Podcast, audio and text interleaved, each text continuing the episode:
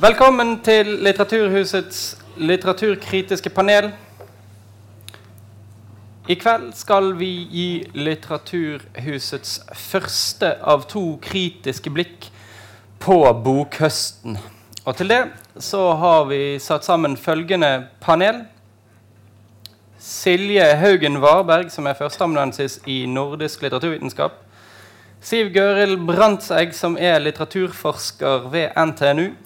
Og Hanna Melene Lindberg, som er kulturfestivalgründer, biblioteksmedarbeider og litteraturviter. Og så meg sjøl, som er Frode Leon Boasson og er førsteamanuensis i nordisk litteratur ved NTNU.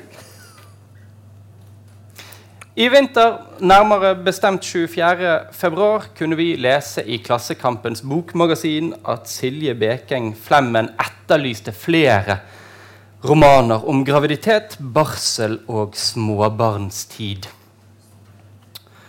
Ifølge Bekeng Flemmen så fremsto det å ha barn i magen både som noe eksistensielt og kroppslig, og et tema som angikk de fleste. Som hun formulerte det, så var det på denne måten. De fleste kvinner føder barn, de fleste etter innblanding fra menn, og alle har blitt født. Utover selvhjelpsbøker og Kristin Storustens diktsamling 'Barsel' fra 2016, som riktignok eh, ble en salgssuksess for diktsamling å være, så fant Bekeng Flemmen lite om barn, barsel og bleier i norsk samtidslitteratur.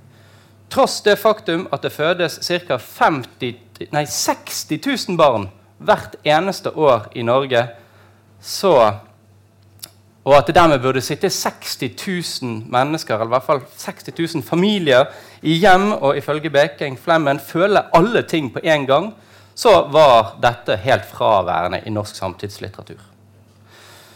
23.07 meldte Klassekampen at Bekeng Flemmen måtte være hørt.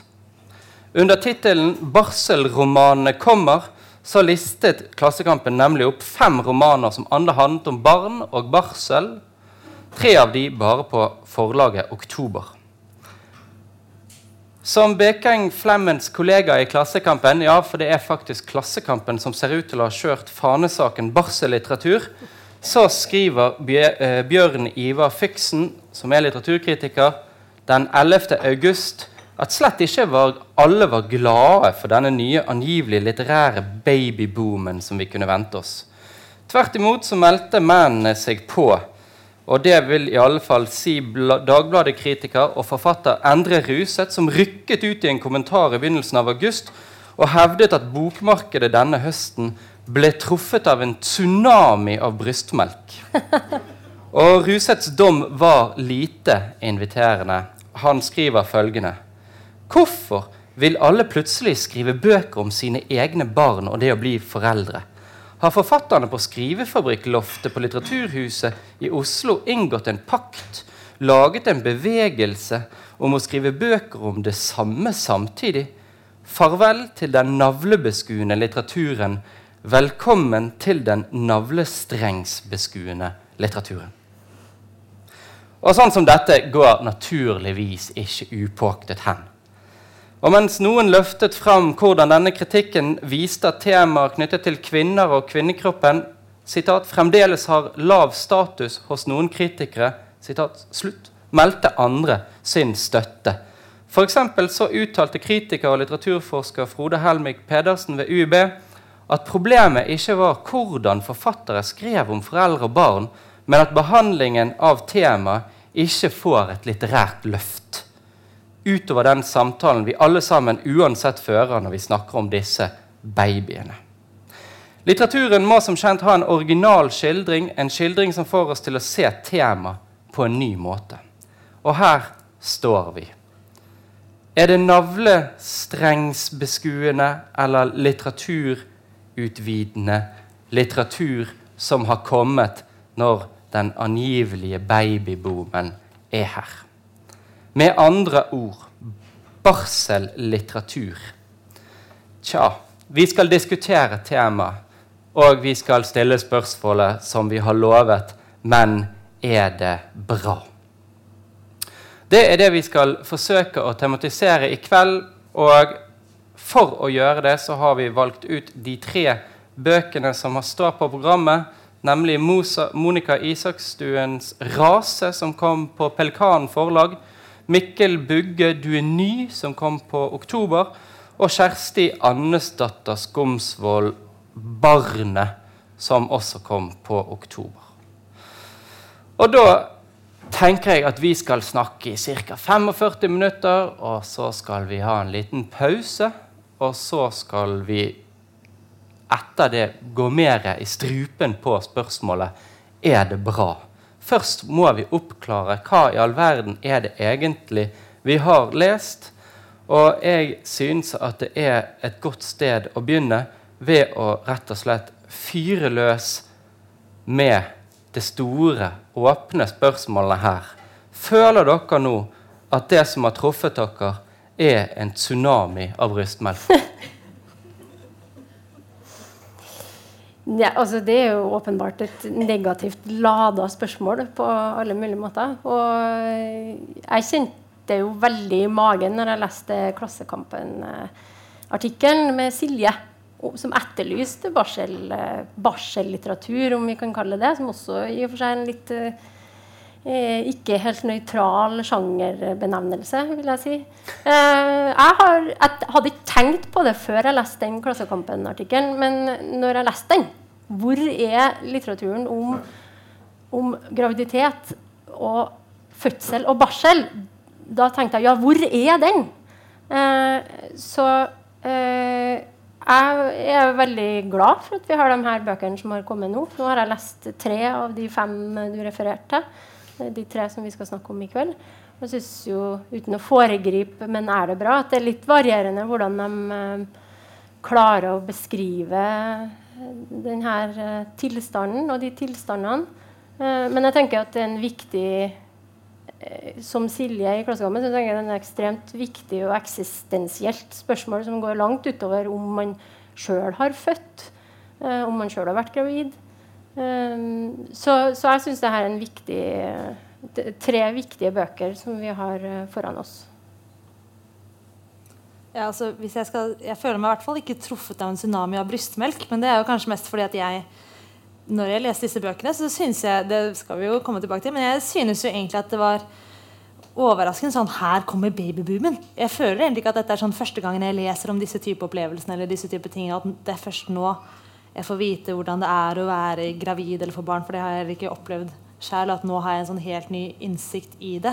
Uh, men at det egentlig spiller mye mer på lag på samtidslitteratur som har kommet tidligere. Da, at Hvis det ikke var branda som her kommer den barselboomen, og jeg leser disse bøkene enkeltvis, og kanskje ikke som en sånn pakke, men her er disse tre bøkene som skal snakke om å få barn, så tror jeg ikke det er det jeg hadde liksom gått rundt og sagt at nå har jeg lest liksom sånn eksistensiell bok om hva det vil si å få barn og føde, og nå vet jeg liksom har jeg lært mer om den kvinnelige erfaringen og hva det vil si å være kvinne. Det er liksom ikke det egentlig jeg føler at jeg sitter igjen med til slutt. da. Så jeg føler meg ikke truffet av brystmelk. Jeg føler meg eh, oversvømmet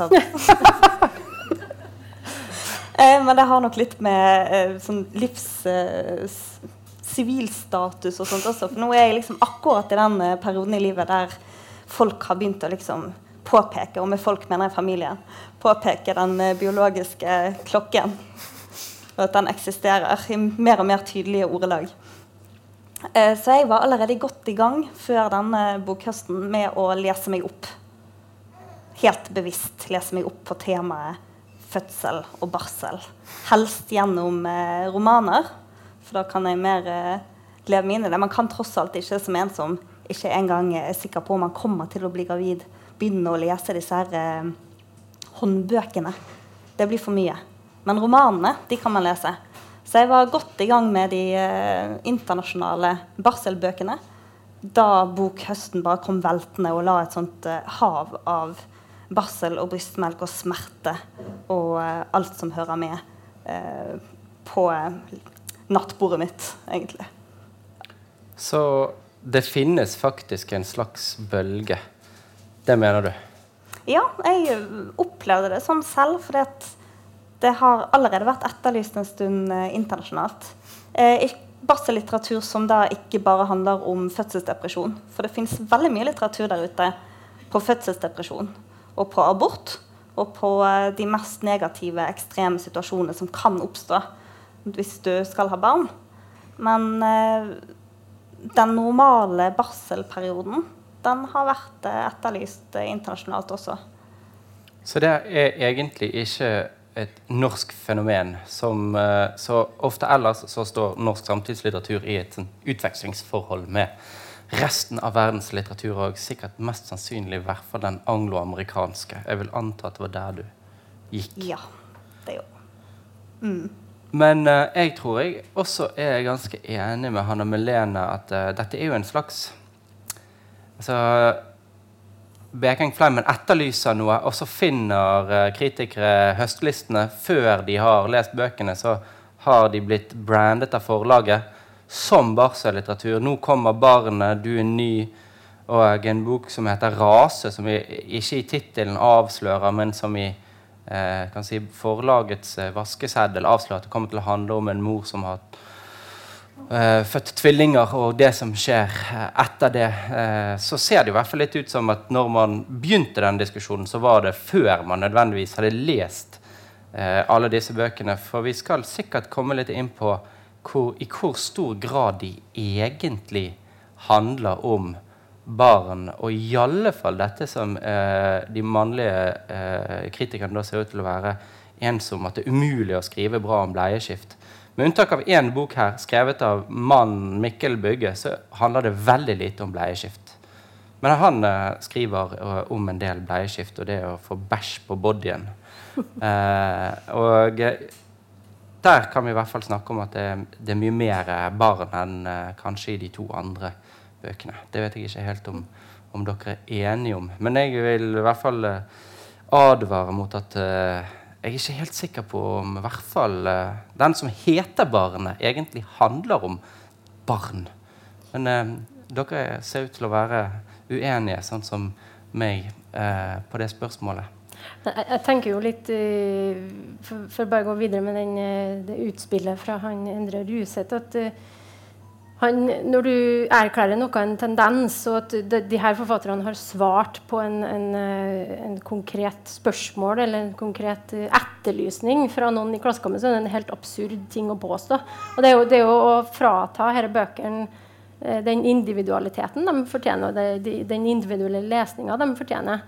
De beskriver det jo ganske forskjellig. Det er noen likhetspunkter mellom dem i forhold til hvordan de beskriver de erfaringene. Um, men, men, likevel er det noe med Jeg, vet ikke om vi kanskje er litt uenige om det med hvorvidt det har vært der før. For jeg har, jeg, har, ikke lest noe lignende i norsk litteratur.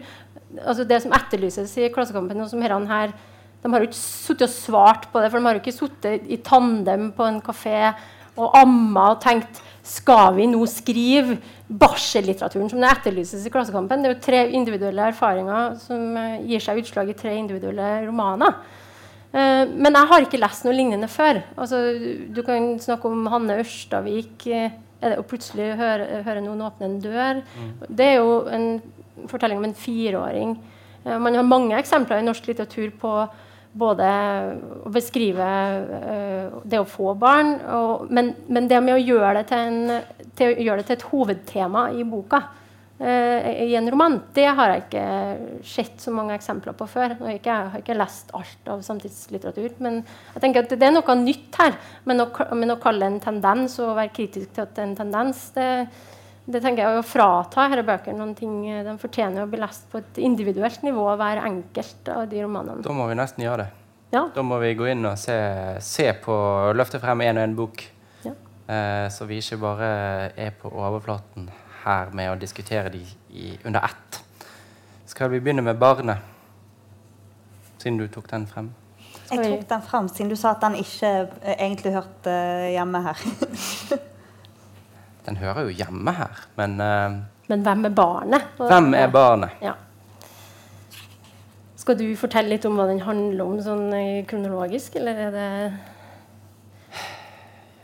Barnet er en uh, liten roman av uh, Skomsvold, da, som vel um, Vi kan begynne nyansert med å si er en uh, jeg-personsfortelling om, om en kvinne som har fått ett barn, som er nummer to. Eh, så hun har ikke skrevet en bok til det første barnet sitt, men til det andre barnet sitt.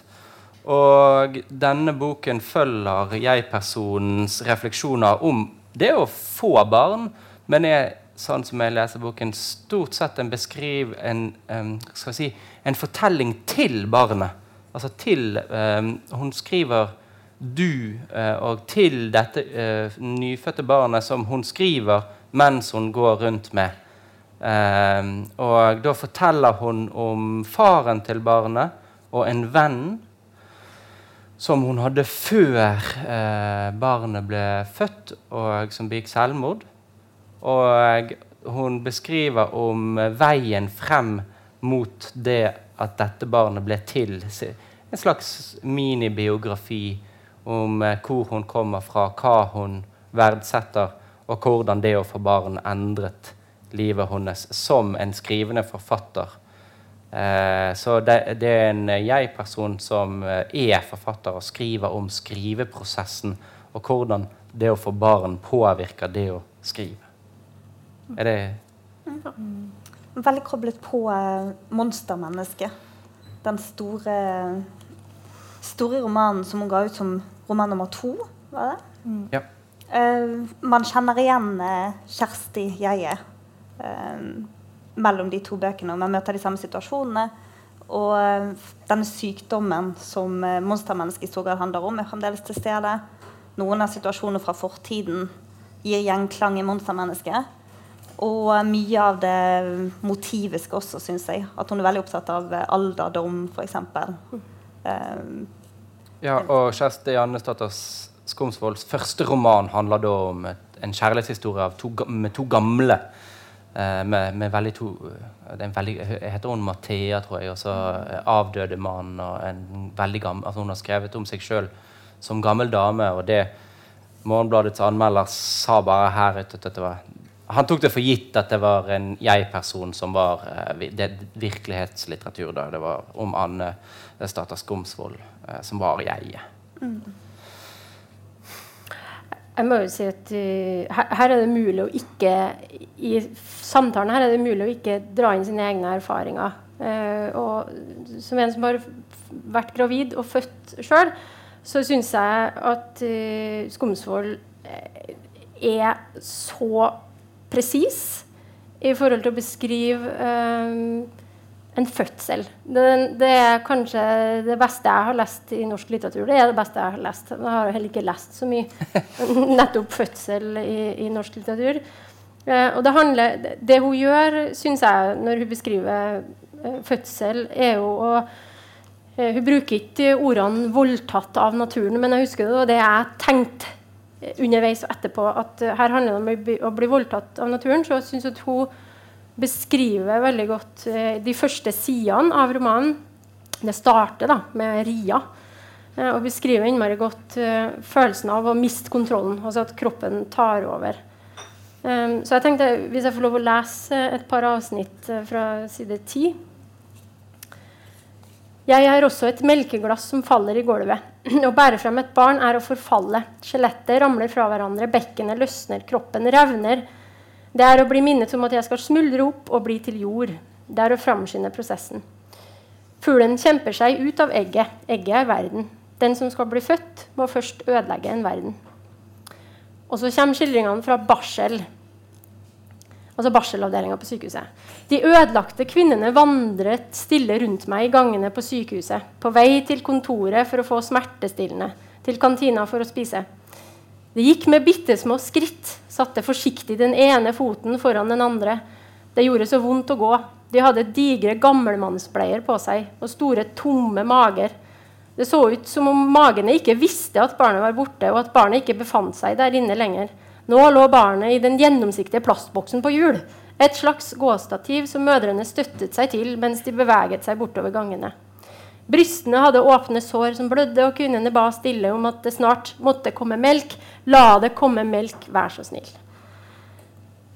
Her er det flere ting eh, som finner gjenklang i meg, i hvert fall. Eh, den her veldig underlige Altså det er en underliggjøre, underliggjørende opplevelse å være på en barselavdeling. Og jeg har aldri lest noe som kommer så tett på.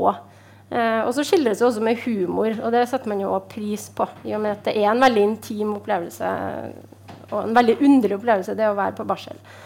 Så jeg syns at eh, de delene av romanene de, de delene av, denne romanen som skildrer opplevelsene på barselavdeling, og sånn, syns jeg, synes jeg er helt strålende.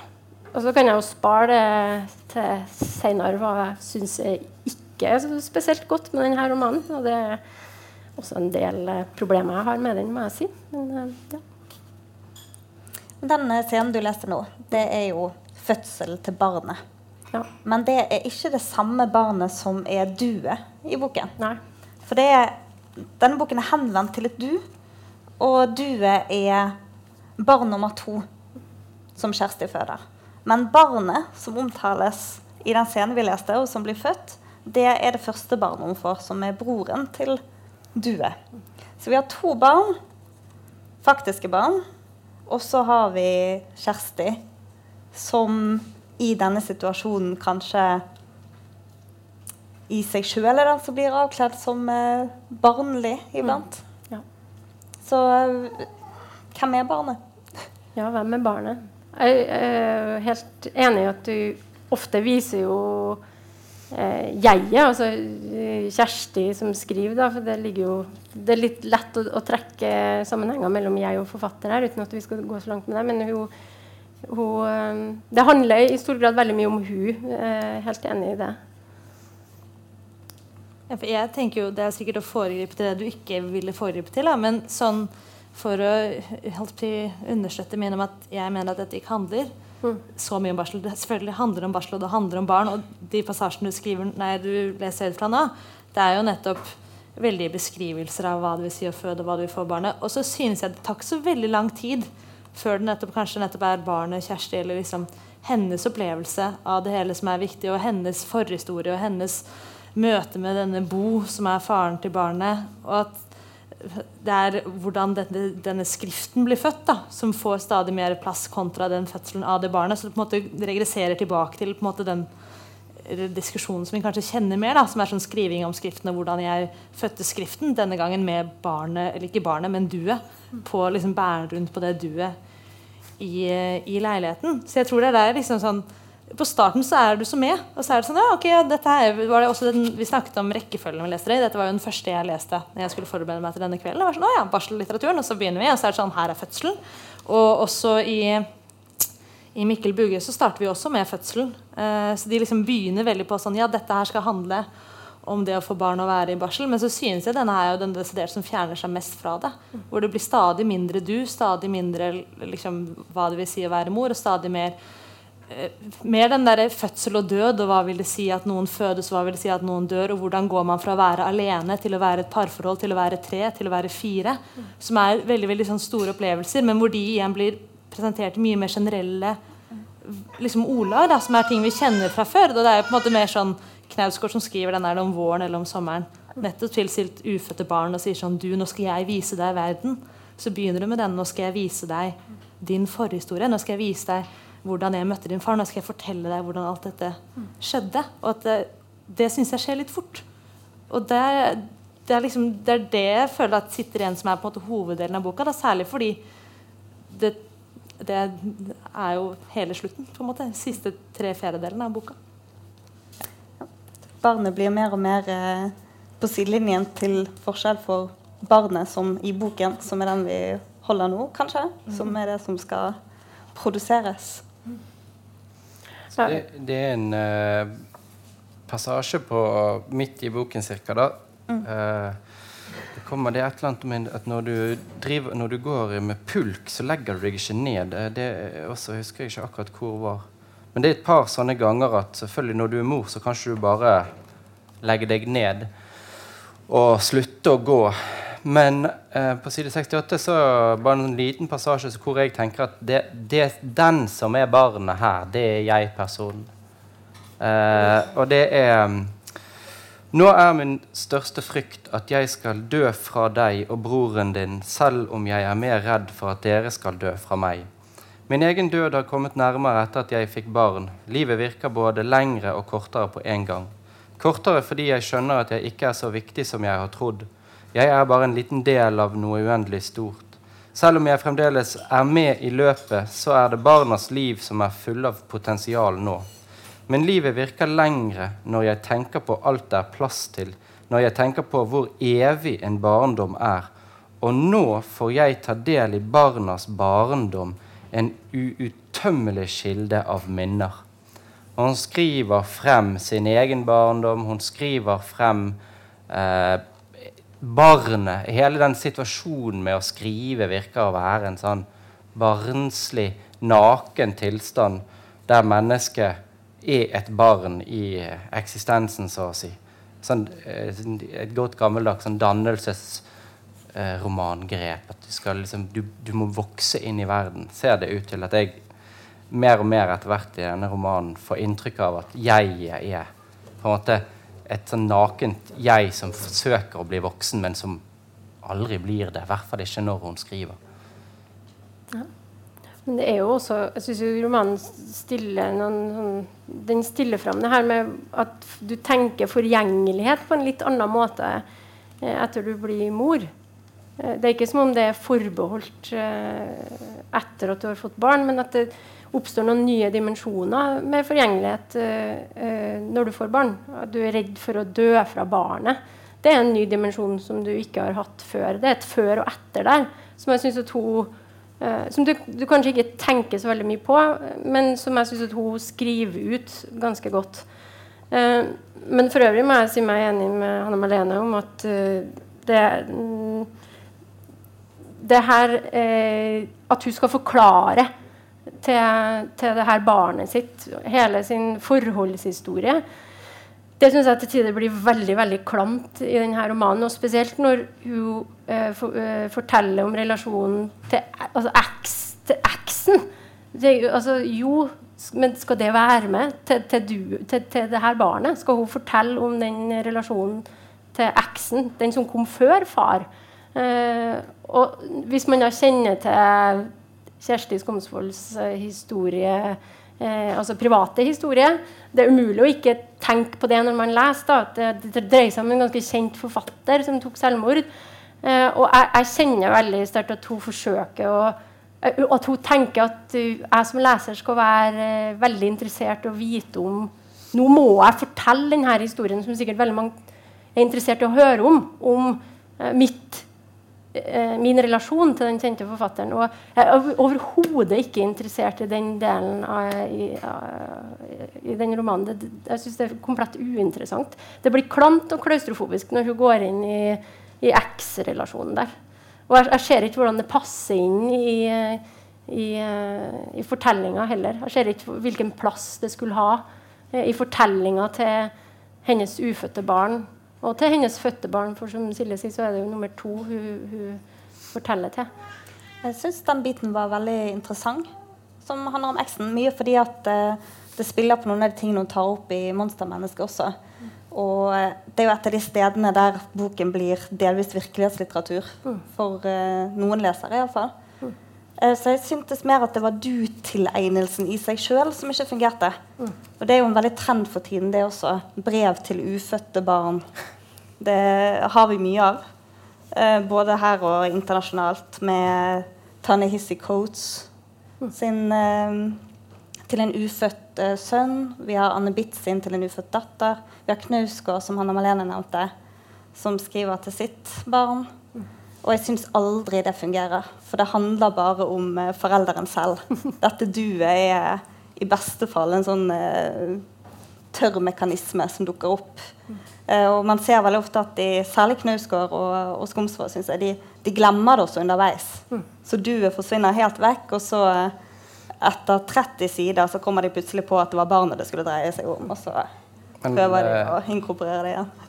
Det, altså, det er jo dette du og det Kjærlighet Noe av det som er gjenganger her, kjærlighet til morskjærlighet, eller kjærlighet til sine barn.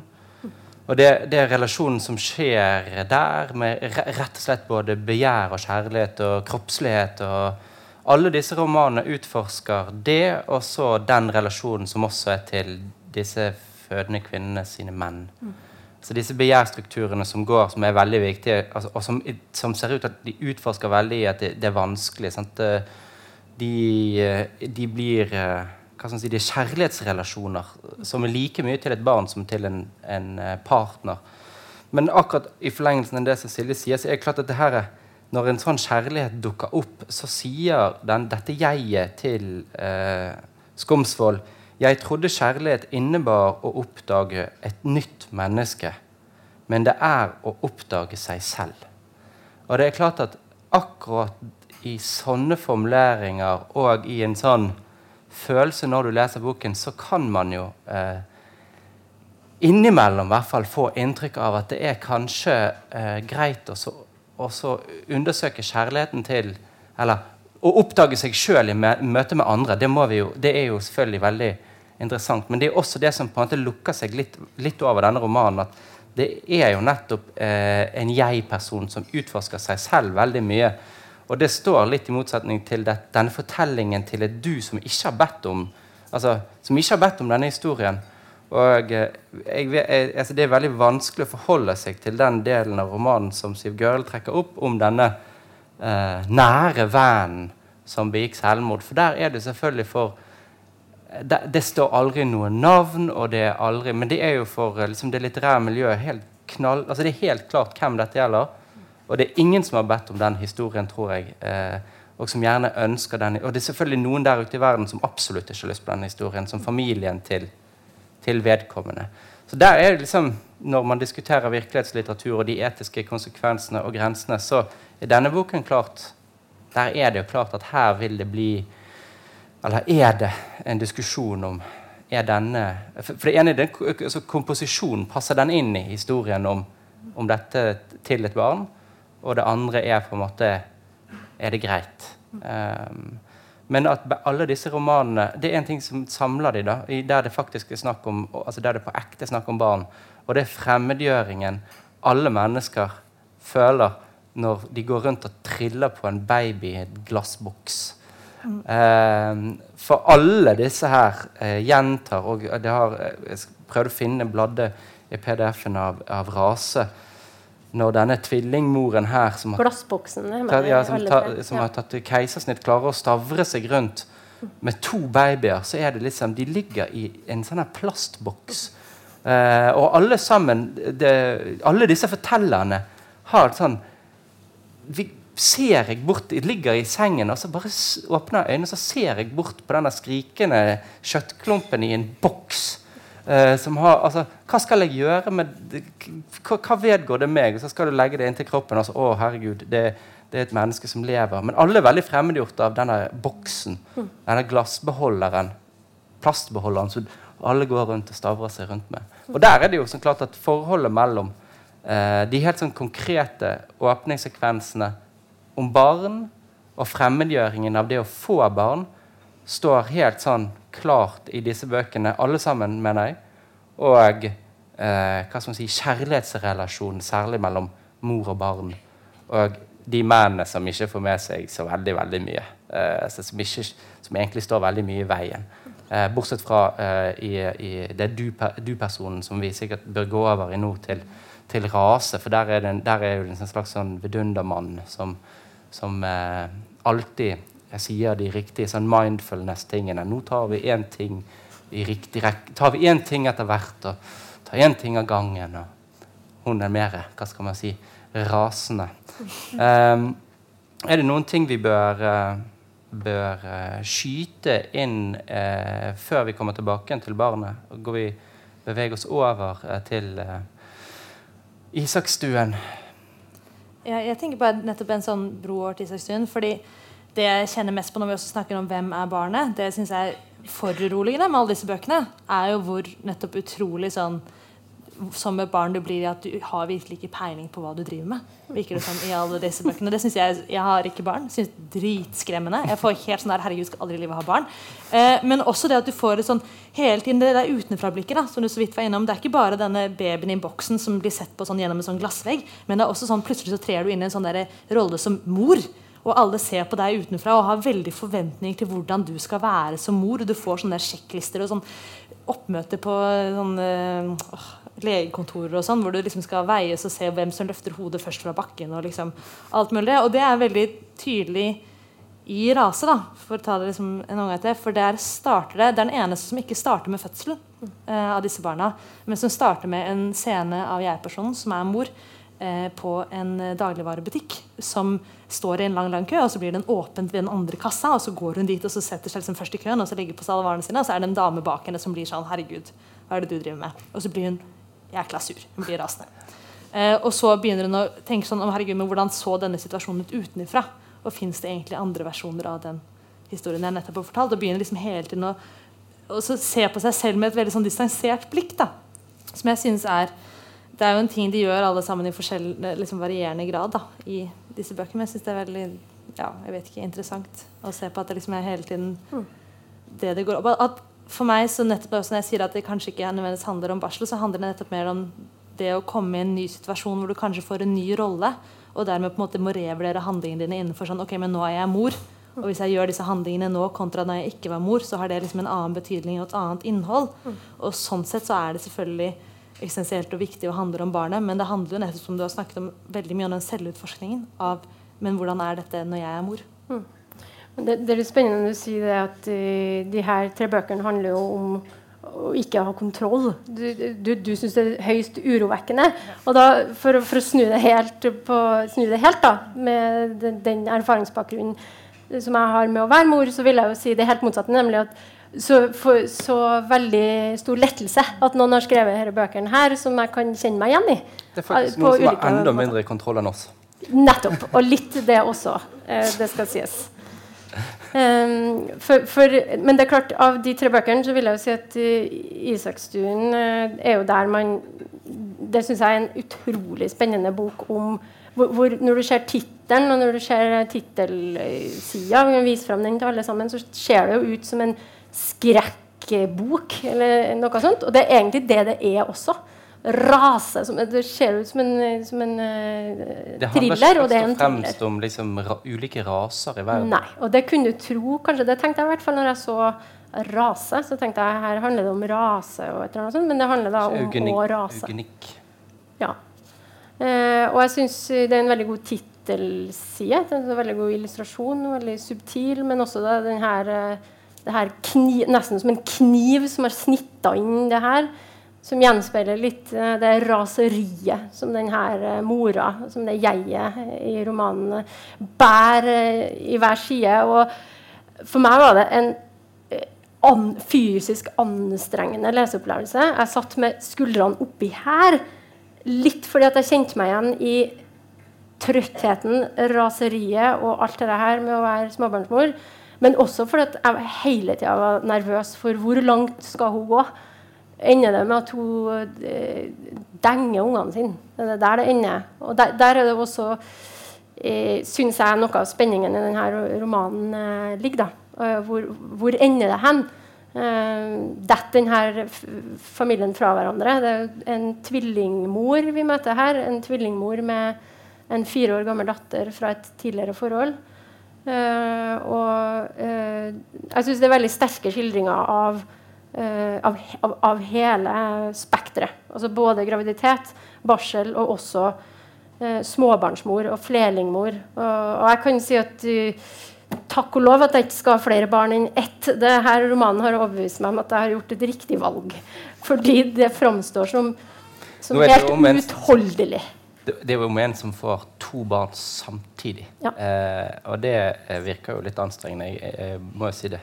Men det er altså en eh, slags uh, Den forrige boken til Monica Isakstuen, 'Vær snill med dyrene', handler om en jeg-person som uh, heter Karen, og som forlater en mannen sin med en datter. Og denne boken plukker opp det som ligner veldig på samme jeg-person, som nå har en datter, men også fått en ny mann som hun venter tvillinger med.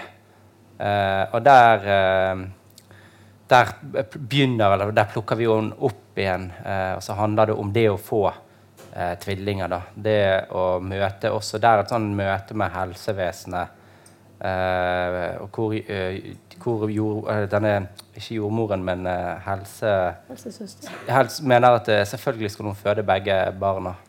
Eh, og så er det en eller annen som sier som, hvem, Hva for en sadist er det som mener at noen skal føde to barn som ligger med rumpen ned, og så bærer det inn på eh, keisersnittavdelingen? Og det, eh, altså det jeg var, var, som du, altså det var en rystende lese. Akkurat der keisersnittet liksom Noen som bare napper Ja, vi kan lese det. Altså det, var, det er ganske drøy. Uh, Det har jeg, uh, jeg, sant, jeg forstår ingenting av hva det vil si. Jeg bare tenker at dette her ligner på noe jeg kunne forstått, nemlig at noen bare drar opp noe i magen din og sier 'her', rett over det forhenget, liksom. Og så, Nei, det, er jo, det er jo helt rystende. Eh, men rasetittelen, det å rase og være rasende, og at alt bare raser, det er klart eh, i spill her. At både at- det er et raseri, og at ting faller fra hverandre. De tar jo over et hus litt ut i romanen. Et gammelt og ærverdig hus, men som også etter hvert virker som det truer med å rase sammen. Eh, helt bokstavelig. Hvis, hvis det hun tror eh, har noe i seg, så er det et forfalt hus de har kjøpt.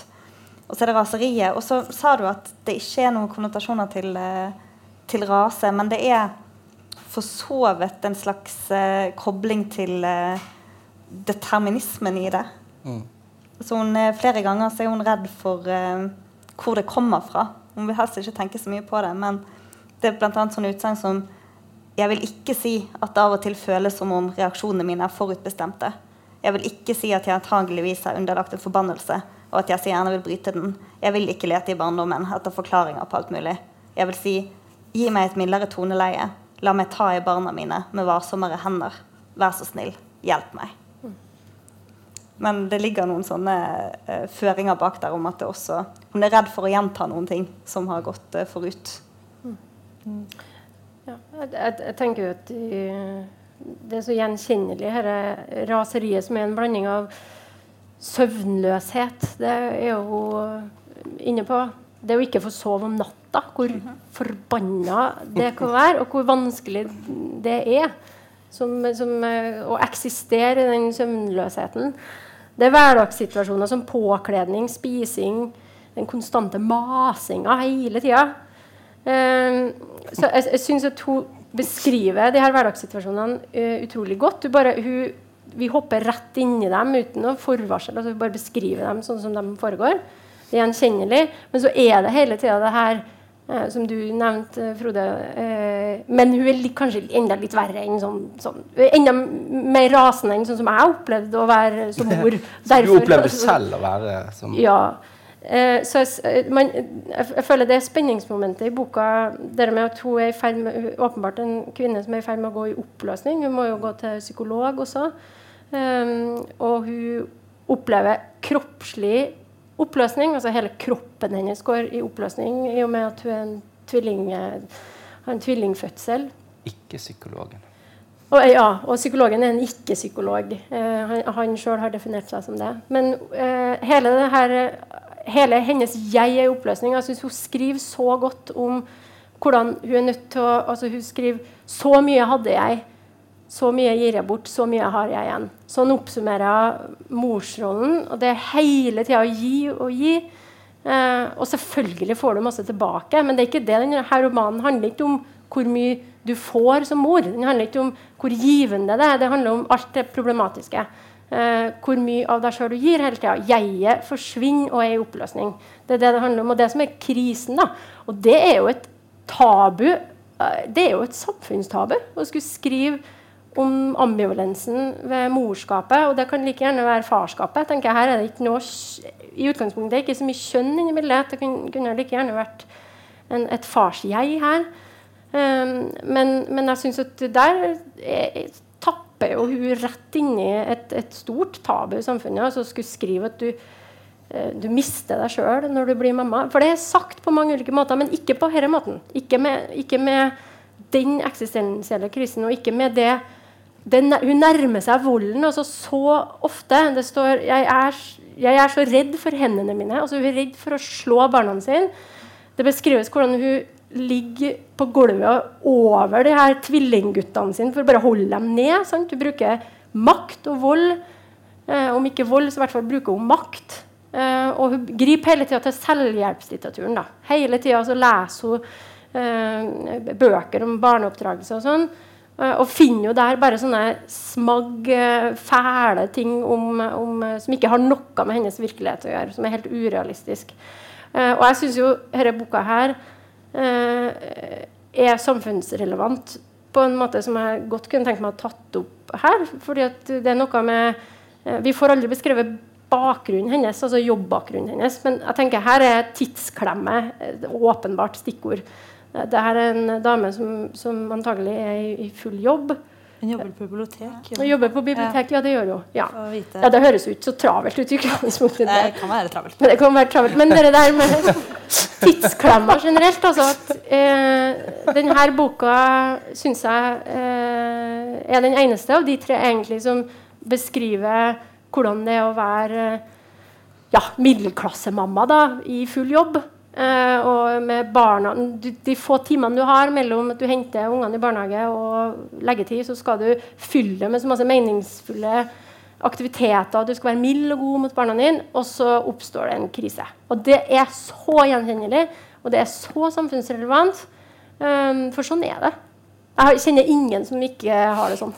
Nei, men jeg tror kanskje det er det som igjen da, men det er nesten at jeg blir litt skremt. Ja. Eh, fordi jeg er jo i den situasjonen det er liksom for første semester ute i full jobb. Jeg har ganske mange andre venner som for første semester er ute i full jobb. Vi er så slitne. Det er helt sjukt. Vi er en gjeng ja, mennesker barn, som ikke har kapasitet til en skit. Vi holder på det alle sammen. Mm. Og så er det sånn, og så skal du ha noen folk som bare liksom krever av deg hele tiden. Og jeg skjønner så godt at de faller sammen. Ikke sant? Jeg, er sånn, jeg holder på å falle sammen. Jeg har ikke kids. Disse her har kids. Eh, men det som jeg tror også er grunnen til at jeg føler at det ikke er så veldig mye Jeg vet ikke hvorfor jeg driver og trekker, men det blir liksom min greie å si at dette er egentlig ikke så mye barsellitteratur. Men for meg så, dette ligner jo nettopp på all den litteraturen vi har hatt som har blitt eh, anklaget for å være navlebeskuende. For der faller folk sammen på samme måte. Bare at de ikke har kids. Eh, så her faller folk sammen, og så har du en sånn definerbar Hvorfor faller du sammen? Jo, for du har tvillingbarn i tillegg til en annen kid, og det er for mye. Uh, og at det på en måte Den skildrer noe som litteraturen lenge har skildret, men at du har at det, du setter at det er barna som er den utløsende årsaken for den der 'jeg får ikke til, jeg takler ikke, jeg kan ikke', som er noe som har vært til stede. Altså, jeg snakket med en eh, på Røros, for jeg halvparten av tiden, og han snakket om, til meg om samtidslitteratur. Og når han mente samtidslitteratur, så mente han sånne mennesker som skriver om hvor fælt de har det. Det var det han mente var den norske samtidslitteraturen i dag. Det var liksom sånn, hvis han skulle, Hva er det du leser? Leser du sånn samtidslitteratur? Altså folk som har det fælt. Eh, og dette er jo nettopp det samme, bare at med kidsa. men ja, men Det betyr jo ikke at det ikke handler om kids. Og jeg synes jo også det er veldig veldig viktig måte å gjøre det på. Men jeg tror grunnen til at jeg ikke leser så mye barn i det, at jeg leser bare den der slitenheten som jeg på en måte føler at jeg kan hegle meg på uten å ha barn. Eh, men jeg synes det er én ting også som er veldig fin med, med rase. Eller ikke fin, men som i forlengelse av Vær snill med dyrene for der er det jo sånn at hun skiller seg. Og så er det egentlig sånn Hvorfor skiller hun seg? Fordi hun har egentlig en fin mann og en kid, og så er den kiden ganske liten, så hvorfor skiller hun deg? Og da gjentar hun som en sånn mantra Jeg vet, jeg vet, det er ingen konkurranse, men jeg har lyst til å vinne den. Eh, så der går det veldig på dette forholdet til denne mannen. Mens mantraet i rase er hvordan elsker man noen så de merker det? Så det har liksom forflyttet seg over fra denne relasjonen mellom han og henne og hva hun skal bevise, til at hun på en måte er litt redd for hvordan hennes måte å være på relasjoner påvirker disse barna. Og det syns jeg er på en måte veldig fint. å gjøre at det plasserer seg mer i denne barselbølgen. Mm. jeg skal snakke bølgen. Jeg synes Du peker på noe veldig viktig der. Jeg. når du sier at her er det barn involvert. Men ikke bare som utløsende årsak, men det er jo også det er jo de som vil eh, få unngjelde for dette. Hvis hun faller sammen og kollapser, så er det jo Nei, Det går jo kjempebra med dem. Det er jo det som er hele poenget. De går det helt fint med. Uh, men ja. Ja, gjør det egentlig det? Altså, ja, det vi følger jo hun. Og altså, det er en veldig optimistisk slutt, kan man si, der det virker som det går ganske bra med barna. Mm. Men det kan ikke være helt uh, greit å være barn i den familien heller, tenker jeg. Nei da, og det er jo mange scener som tyder på at uh, det ikke går så bra en stund mm. med ja, den her da åtte år gamle dattera vi får og De er jo fire år, de her tvillingguttene. Eh, når de, Mesteparten av romanen skildrer dem eh, i, når tvillingguttene er fire år og jenta er åtte. Og da er det noen grusomme scener med med at de er et selskap eller noe. At åtteåringen sø- hun- åtteåringen søler saft utover bordet. og eh, Vertinna eh, sier det gjør ingenting, men den dattera begynner å gråte og sier unnskyld, unnskyld. Det liksom tyder på at mora har vært så rasende, og at det raseriet har prega familien. da. Og Det var det jeg syns var mest ubehagelig i eh, romanen. Fordi det er noen scener som er veldig sånn, der det eskalerer.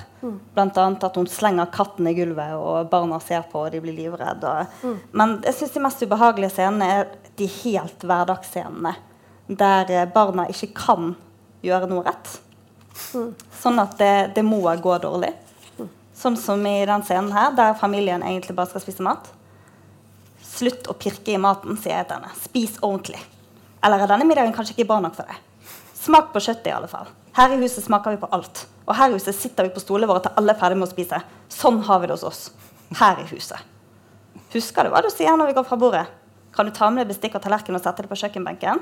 Kan du være så snill å respondere når jeg ber deg om noe? Hallo? Hører du ikke at jeg snakker til deg? Er det sånn som dette du lærer å oppføre deg hos faren din? Det er Dette sier vi hele tiden. sant? Vi sier det hele tiden. Ja. Det, er jo, det er det som er samtalen hjemme. Men det er det som er så ubehagelig, fordi at mye av dette vil jeg tro er veldig gjenkjennbart. Eh, men når blir det for mye? Når er situasjonene så mange at hun har rett i at dette her er noe å være redd for? Eh, hvis det bare er sånne situasjoner som dette, der selv det å kle på barnet ditt, sitte og spise mat med barnet ditt Det barnet kan ikke gjøre noe rett her. Det fins ikke noe rom for å, for å få dette til å bli hyggelig fra barnets eh, side. Nei, Der har disse to bøkene raser og barnet veldig veldig forskjellig holdning til barna. Da, for der blir jeg så jeg blir så oppgitt av den jeg-personen i barnet. fordi at de eh, jeg-personen og faren krangler foran en to måneder gammel unge. eller noe sånt. Og så blir hun moren helt sånn sykt Hun er sånn Hun vet ikke hva hun skal gjøre, for den ungen på to måneder kan jo ha fått med seg hva som skjedde. Så står det sånn Hvor mange kysser og klemmer gjør opp for at du fikk med deg denne opprivende krangelen mellom oss? Så tenkte jeg altså herregud, kom igjen. At denne ungen kommer ikke til å merke en dritt. De lever jo bare. At de bare spiser melk og blir voksne. Altså, de, de bare suger kraft. Og så kommer vi til rase der hun kunne ikke brydd hun mindre eh, på ett nivå. Fordi hun vet at de bare de lever suger kraft. Men det er jo det som er hele problemet hennes. Nemlig Å, er det sånn mor jeg vil være? Kan jeg gjøre dette? Det er det som er, det er derfor det er så guffent. Fordi hun vet om akkurat det der. Dette gjør vi hele tiden. Og så sitter jeg og tenker å herregud, så andre har det sånn. Og jeg har bare ett barn. sånn. Altså, bare, å, sånn er det. Deilig. Men så er det jo klart at det er masse masse trøbbel eh, hos hun, dam, hun damen her. Hun har tre barn, hun får ikke tid til dem. Og den store følelsen av liksom at hun aldri kommer til å klare det, aldri strekke til. Og nå i det der besøket som du nevner, hvor ungen vet at hun har gjort noe galt, og den andre sier liksom, men dette er bare helt i orden, null problem, så får den ungen likevel den reaksjonen av at shit, dette var det eneste jeg ikke skulle gjøre. Og da blir moren sånn Hva er det jeg egentlig driver med? Og det er jo, det er jo veldig Og der er Isakstuen eh, kjempegod, da. Og den, på den konflikten der. Men vi er nødt til å gå dere som videre. sier liksom at dere eh, Jeg må bare spørre om det. Dere som føler at dere er i den situasjonen. Dette opplever dere. Dere blir sint. Jeg syns veldig gjenkjennelig det sinnet og frustrasjonen. Og det, Men det som er enda mer gjenkjennelig Hvis jeg kan si sånn at Sinnet hennes er nok over gjennomsnittet. Det er altså det, at det, det er mer ukontrollert enn gjennomsnittet, kanskje. Men det, det som er mest gjenkjennelig, er eh, forventningene man har til seg sjøl som mor. Og det er der jeg tenker at eh, Og som far. Det, har, det er ikke kjønna i det hele tatt. Eh, og det ja, ja, selvfølgelig er det kjønn. ja, ja, litt kjønna er det nok. Men, men det er noe med hva, slags eh, forventninger samfunnet har til hva det vil si å være forelder. Hva slags forventninger man sjøl har. Og det er det hun strir med, at hun klarer ikke uh, å innfri de forventningene samfunnet har til hun som mor. Fordi hun leser selvhjelpsbøker og følger med på blogger på nettet. Og hun klarer heller ikke å eh, innfri sine egne forventninger til å være mor. Og det er eh, så gjenkjennbart. Og så ligge der om kvelden og bare Hvorfor ble det en sånn dag hvor jeg bare sa Nei, ikke rør. Spis middagen din. Ta fra det. Altså, det er Ja. Det å være mor opplever jeg i hvert fall som en, er en verden hvor man eh, roper ut kommandoer. Og, og sånn er det. Eh, hvis man tenker på det som, sånn, i den, i verst på verst tenkelig måte. Eh, og det er det hun gjør. da. Altså, det er ikke, det ikke meninga at hun, vi skal se den andre sida her. Og det syns jeg egentlig er ganske modig gjort å skrive en sånn roman. Eh, som også for øvrig ligger ganske tett opp på hennes eh, egen biografi, har jeg forstått. For hun er sjøl tvillingmor og sånn. Um, og det er kjempemodig uh, at hun beskriver det på den måten der. Uh, men for meg var det egentlig vendepunktet kommer litt allerede på side 11, eller noe sånt, hvor, uh, hvor, det er hennes hvor det er duet. Altså, du er jo hennes partner som sier 'Dette går ikke lenger'. Uh, der ligger egentlig sånn Da skifter leserforventningene litt, for da skjønner du Det duet er jo en klippe. Altså Partneren hennes er en klippe, uh, denne mannen. Uh, og når han sier det her går ikke lenger, da skjønner også leseren at det er en over gjennomsnittlig sint mor som sliter. Det er det som er bevegelsen i romanen. Sånn at det raser. For det, det, begynner jo sånn at vi alle kjenner oss veldig igjen. Og så klart at På slutten så bør de færreste av oss kjenne seg igjen, egentlig. Ja.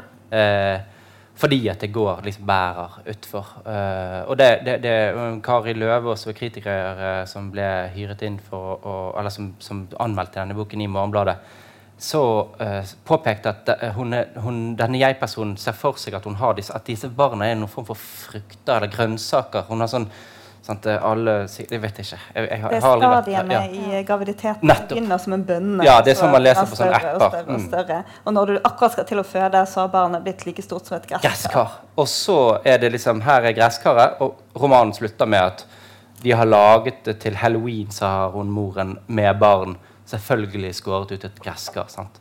Og så ender det med at hun bare løfter det der gresskaret og knuser det nedover trappen. Eh, og da er det da vet vi jo at liksom, dette her er det, jeg var ikke, jeg, jeg, det var en rystende ting å lese uansett, men når hun anmelderen påpekte for meg at det her er jo liksom bildet av hvor det går, og følelsen av at det her gresskaret har vokst opp, og jeg står bak altså det, da, det, var en, det, var en, god lesning av Løva som jeg tenker er betegnende for den bevegelsen i romanen.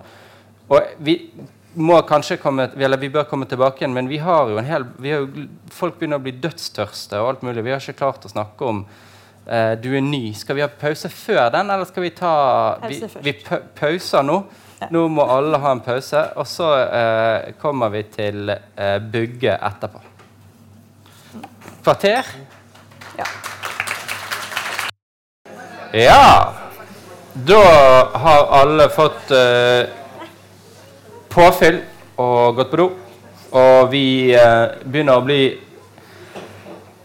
klar for eh, Ja, hva skal vi si? Endelig kom vi til eh, mannen av uh, den mannlige forfatteren.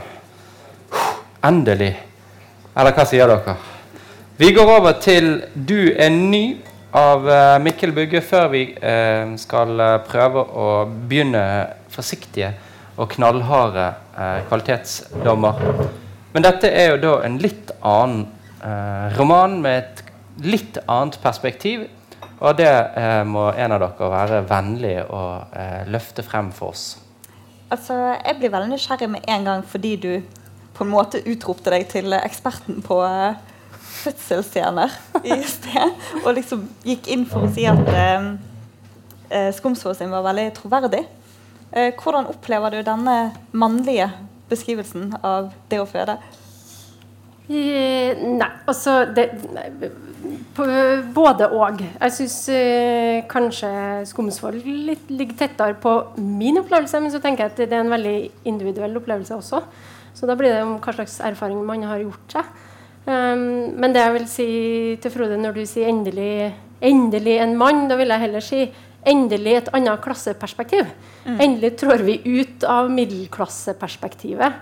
For er det noe vi må komme inn på med Bugge, så er det jo at uh, det handler om en helt annen samfunnsklasse.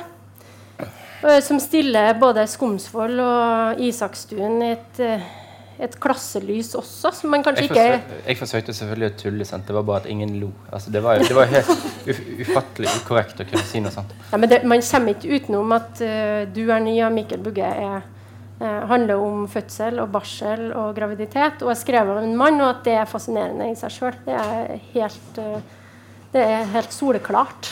Men det som slår meg først og fremst med denne romanen, er jo klasseperspektivet.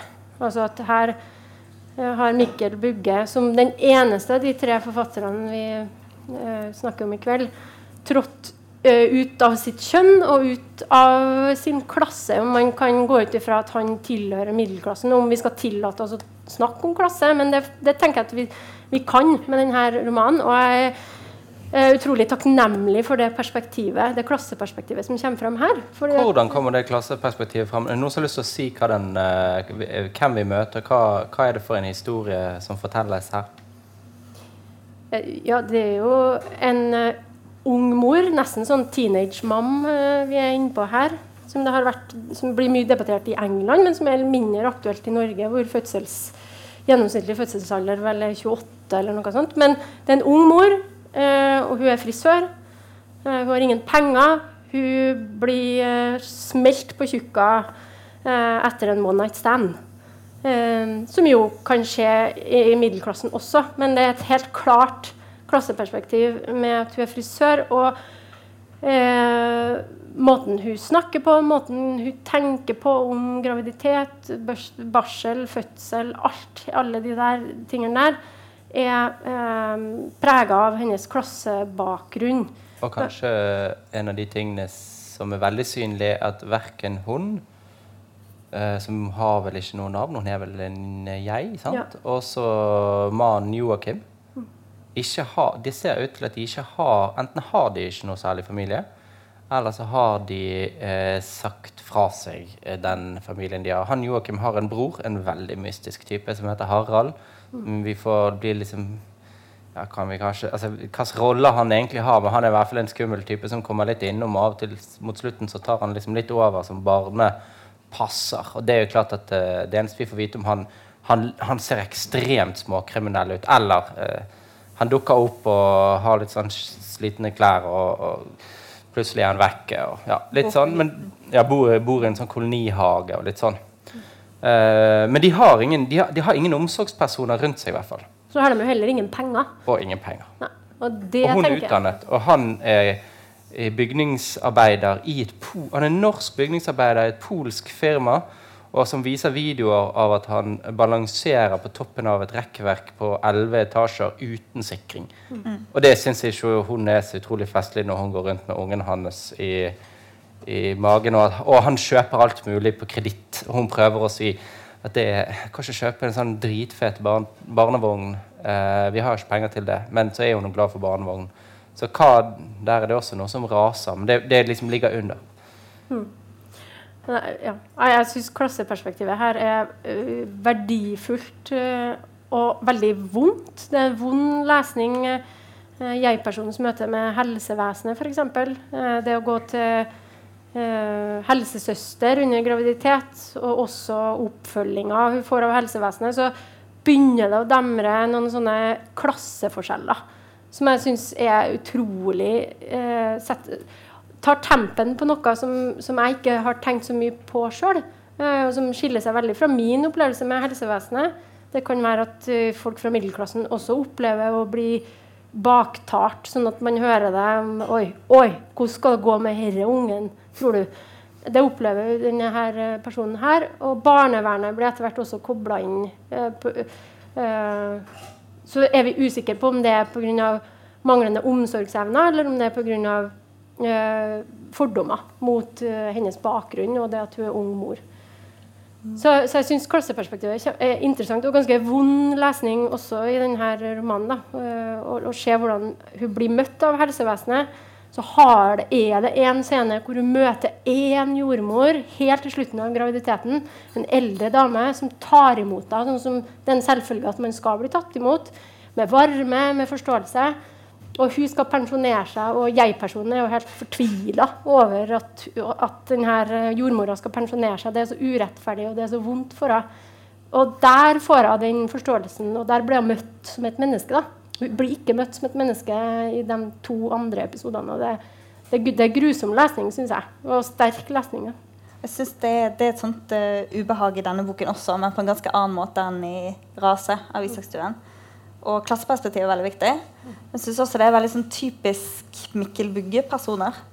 Så han eh, liker å skrive fram litt sånn absurde eh, personer. Som eh, Det grenser hele tiden mot noe som er ikke helt innenfor nordmenn. nordmenn. Det blir eh, mye overdrivelser, og det er litt rare reaksjoner. Og de er liksom hele tiden litt på utsiden av det du forventer at de skal gjøre, eller forventer at de skal tenke. Um, annet i det der med at de er så isolerte. Så hvor er nettverket? I begynnelsen tenker man ikke over det, men så begynner det å demre at det er bare de to, og det er barnet, og det er denne merkelige broren. Og så er det noen få kollegaer som hun har kontakt med, hun, eh, men derfor er hun seg veldig fremmedgjort. For det er på en litt sånn fancy salong, apropos eh, klasseperspektivet, mm.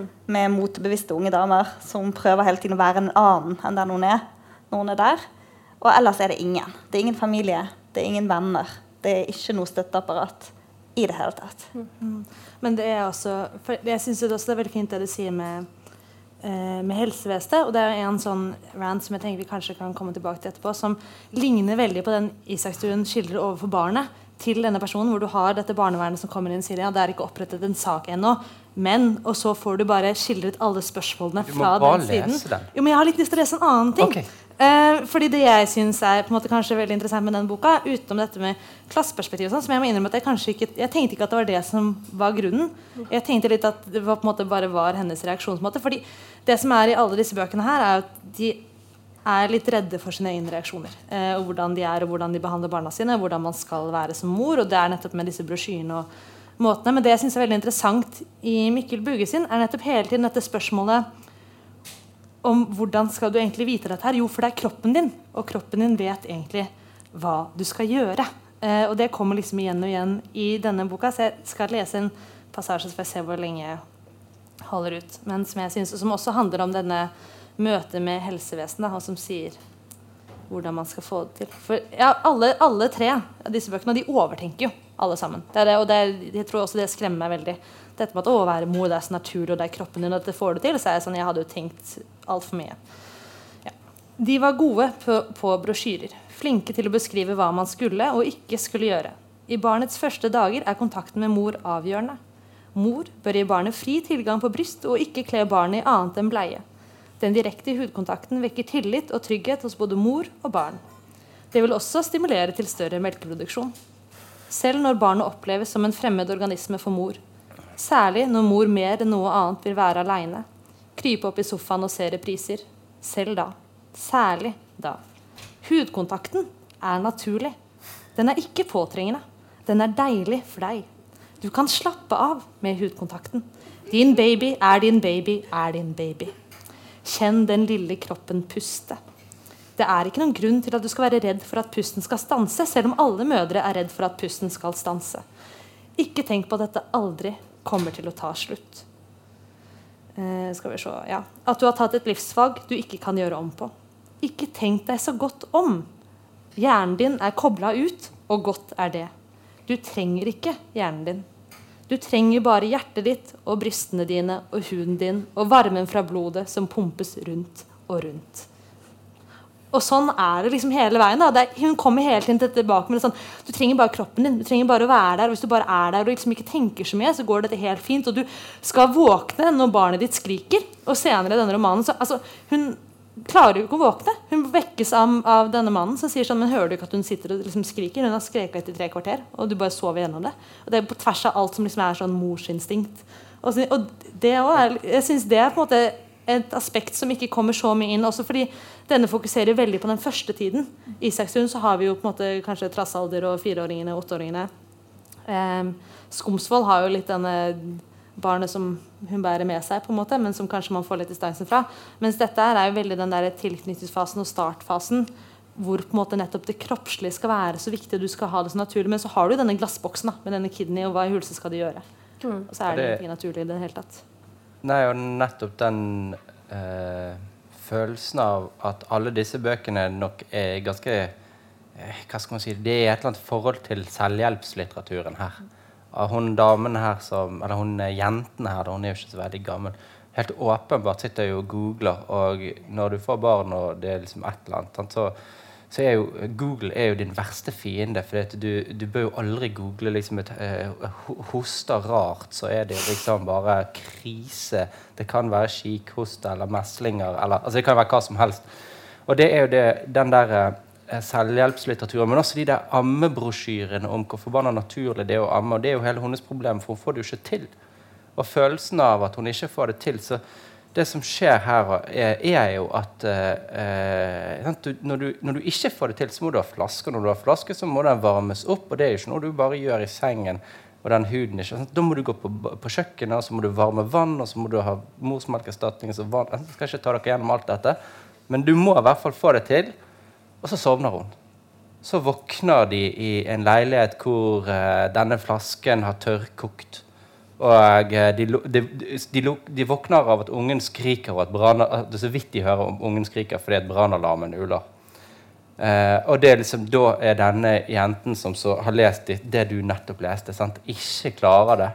Har prøvd så lenge, og denne ungen vokser. Det er jo grunnen til, at En av, en av de åpenbare grunnene til at de kobles inn, er at denne ungen ikke lever opp til eh, kurven sin som alle barn får en kurve og så skal være, bli, bli så, legge på seg så og så mye. Sant? Og, så gjør han ikke det. Så da er det jo på helsestasjonen og kommer og gruer deg. og så Ungen er tynn, og, og kobles alle. Dermed også, Det er samfunnsmessig her, klasseperspektiv. Det er jo ikke bare Og det viser den boken veldig godt, nemlig alle kontrollmekanismene. Hva skjer når du får en unge som ikke legger på seg? Det er ett fett om du Det er ikke ett fett, men det har, eh, Uansett om du er der eller der, sånn hierarkisk, så kommer samfunnet inn gjennom hjemmebesøk og spør hvordan har du det, hva gjør du, hvordan legger du det til rette, spiser dere dette? Sant? Så har de spist ost og smørbrød til kvelds hver dag i tre uker. Eh, så det er liksom hele den selvhjelpslitteraturen og hele denne brosjyrestemmen som du klarte å fange godt her nå, da, om, om at alt skal være så naturlig. Også følelsen av at du du ikke får til det naturlig, hva skal du da gjøre? Det fanger han veldig veldig godt. Og da kommer du over i den andre scenen. da Når du ikke får det til, så kommer det sånn hjemmebesøk som, som eh, Der eh, den, vi, Her får vi et kapittel. Eh. Det, det syns jeg er høy, Høydepunktet i denne romanen her er jo da får du hjemmebesøket. Du får ikke, du får ikke jeg-personstemmen, men du får bare spørsmålene hun hører. Ja, og det, og det, det der det blir den her fremmed Eller den distansen da, mellom jeg-personen og helsevesenet. Og bare lese noen korte partier fra det. Nei, jeg er her for å hjelpe dere. Takk så mye. Jeg drikker faktisk ikke kaffe eller te, så bare et glass vann, om du har.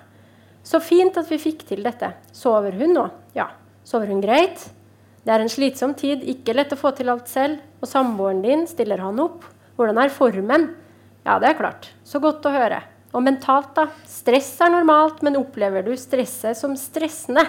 Du må bare si fra om du har noen spørsmål. Og så, videre, og så blir det egentlig mer og mer absurd. for det blir også sånn, Spiser du gluten? Det er viktig å bevege seg regelmessig. Kanskje trille noen lengre turer for å få brukt kroppen osv. Jeg synes Hele det der lille kapitlet der er et godt eksempel på den fremmedgjøringen som hun um, føler da i møte med helsevesenet. Eh, og klasseperspektivet es eskalerer jo veldig i denne eh, romanen når hun eh, kommer på at hun skal gi fra Hun, mø, hun møter jo i sin desperasjon etter et av besøkene hos helsestasjonen, når det viser seg at barnet ikke har gått opp i vekt, så triller hun rett til sin sjef, som tilhører en litt annen klasse. Altså Sjefen for frisørsalongen Pan heter hun.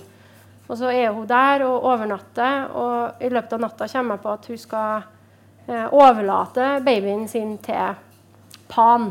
Fordi at hun vil at, ja, for hun vil at barnet skal vokse opp i et møblert hjem. Hun ser rundt seg ting hun sjøl ikke har i sin hverdag. Hun ser uh, hva barnet hennes kunne ha fått, som ikke hun kan tilby barnet. Og så går hun ut i natten, og så ombestemmer, hun seg. Og det er jo der spenningen i denne romanen ligger. Eh, løs, altså blir det her fullstendig katastrofe. Og den, den uh, høydepunktet er jo også når den her brannen i kolonihytta. Når de, hun truer med å sette fyr på en kolonihytte, en bitte liten hytte som uh, hun har sammen med kjæresten sin. Uh, og hun, tenner, hun heller parafin over alle putene og sånn, og, og, truer med å tenne på. sånn at det, det nærmer seg jo katastrofe her, så vi vet ikke om det skal gå bra. Og derfor er det jo så godt eh, når det faktisk går bra til slutt. Og hun eh, skikk, hun, hun er skikka som mor i siste sidene av romanen. Det går bra. Men-. Ja, altså, det syns jeg er litt rart med alle. Jeg synes Det er litt rart at det går så bra. Jeg. Med alle, for det er, liksom sånn, det er så utrolig altså, Det er jo ingen som klarer seg bra. ikke sant? Alle tenker for mye, alle har det fælt, alle syns det er vanskelig. De vet ikke hvordan de skal forholde seg til det, om det er fysisk eller psykisk eller egentlig helst begge deler. Og så slutter alle sammen altså, Rase slutter med at han ene kiden liksom viser seg å klare ja, å, Han er en egen personlighet i seg selv. Dette kommer til å gå veldig veldig fint. Eh, Mikkel Buge sin slutter også med en sånn Og så leste jeg boken for henne, og så leser jeg den en gang til og en gang til. Og en gang til Og jeg blir ikke sur, for jeg var så rolig, og så sovner hun og vet at jeg kommer til å være der. Og i baren òg så kommer hun hjem, og så er det ingen i biblioteket, og det er ingen i stua, men alle ligger i senga, alle tre, og så kryper hun opp til dem, og så er det så fint. Og så blir jeg litt sånn Hvorfor Hvis jeg hadde lest dette der og vært litt sånn Å, så deilig at andre folk er crazy, så hadde jeg blitt litt stressa. For sånn, nå klarte de det seg ferdig nå. Kommer det til å gå over nå? Nå har de det fint resten av tiden. Fordi Ikke nå er vi ferdig. oppløftende? Ikke det litt oppløftende?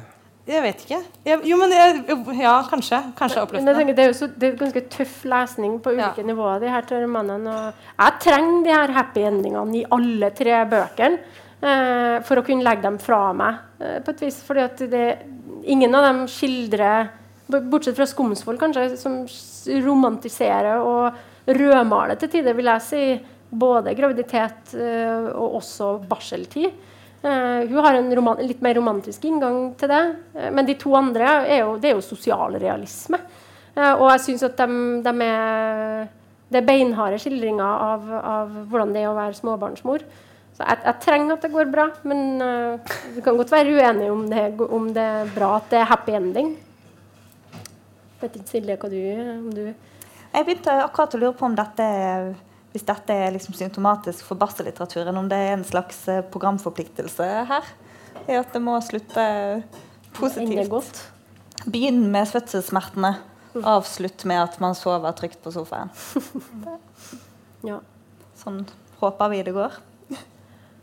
ja og jeg, jeg tenker jo Ikke, altså de, de, ja, det er jo litt oppløftende stemning, men det er jo på, i hvert fall, i hvert fall Du er ny, da. og Så, så tenk altså det, det er greit at det har gått bra akkurat nå, men du ser jo at dette kommer til å gjenta seg. på en måte Hvordan Ja, men skal disse hun sier karakterene jo- komme ut av sin situasjon? Nei, men det er ikke så sikker på, egentlig. Det Ja, for Hun møter jo også Pan på et tidspunkt igjen, denne sjefen sin. Og da Ja, ja. liksom møter han henne og sier sånn Så godt du ser ut, nå har du kommet over det verste. Ja. Men det kan hende at det nettopp altså det er jo, Jeg tror jo på at det er selvfølgelig absolutt verst i starten. Så får du litt mer peiling på hva du driver med, og så sover kanskje ungen litt mer om natta, og så blir det bedre. Så det kan jo godt hende at det er sammen. Men jeg synes på en måte at hos alle tre så går det ganske fort, og så plutselig så er det liksom greit.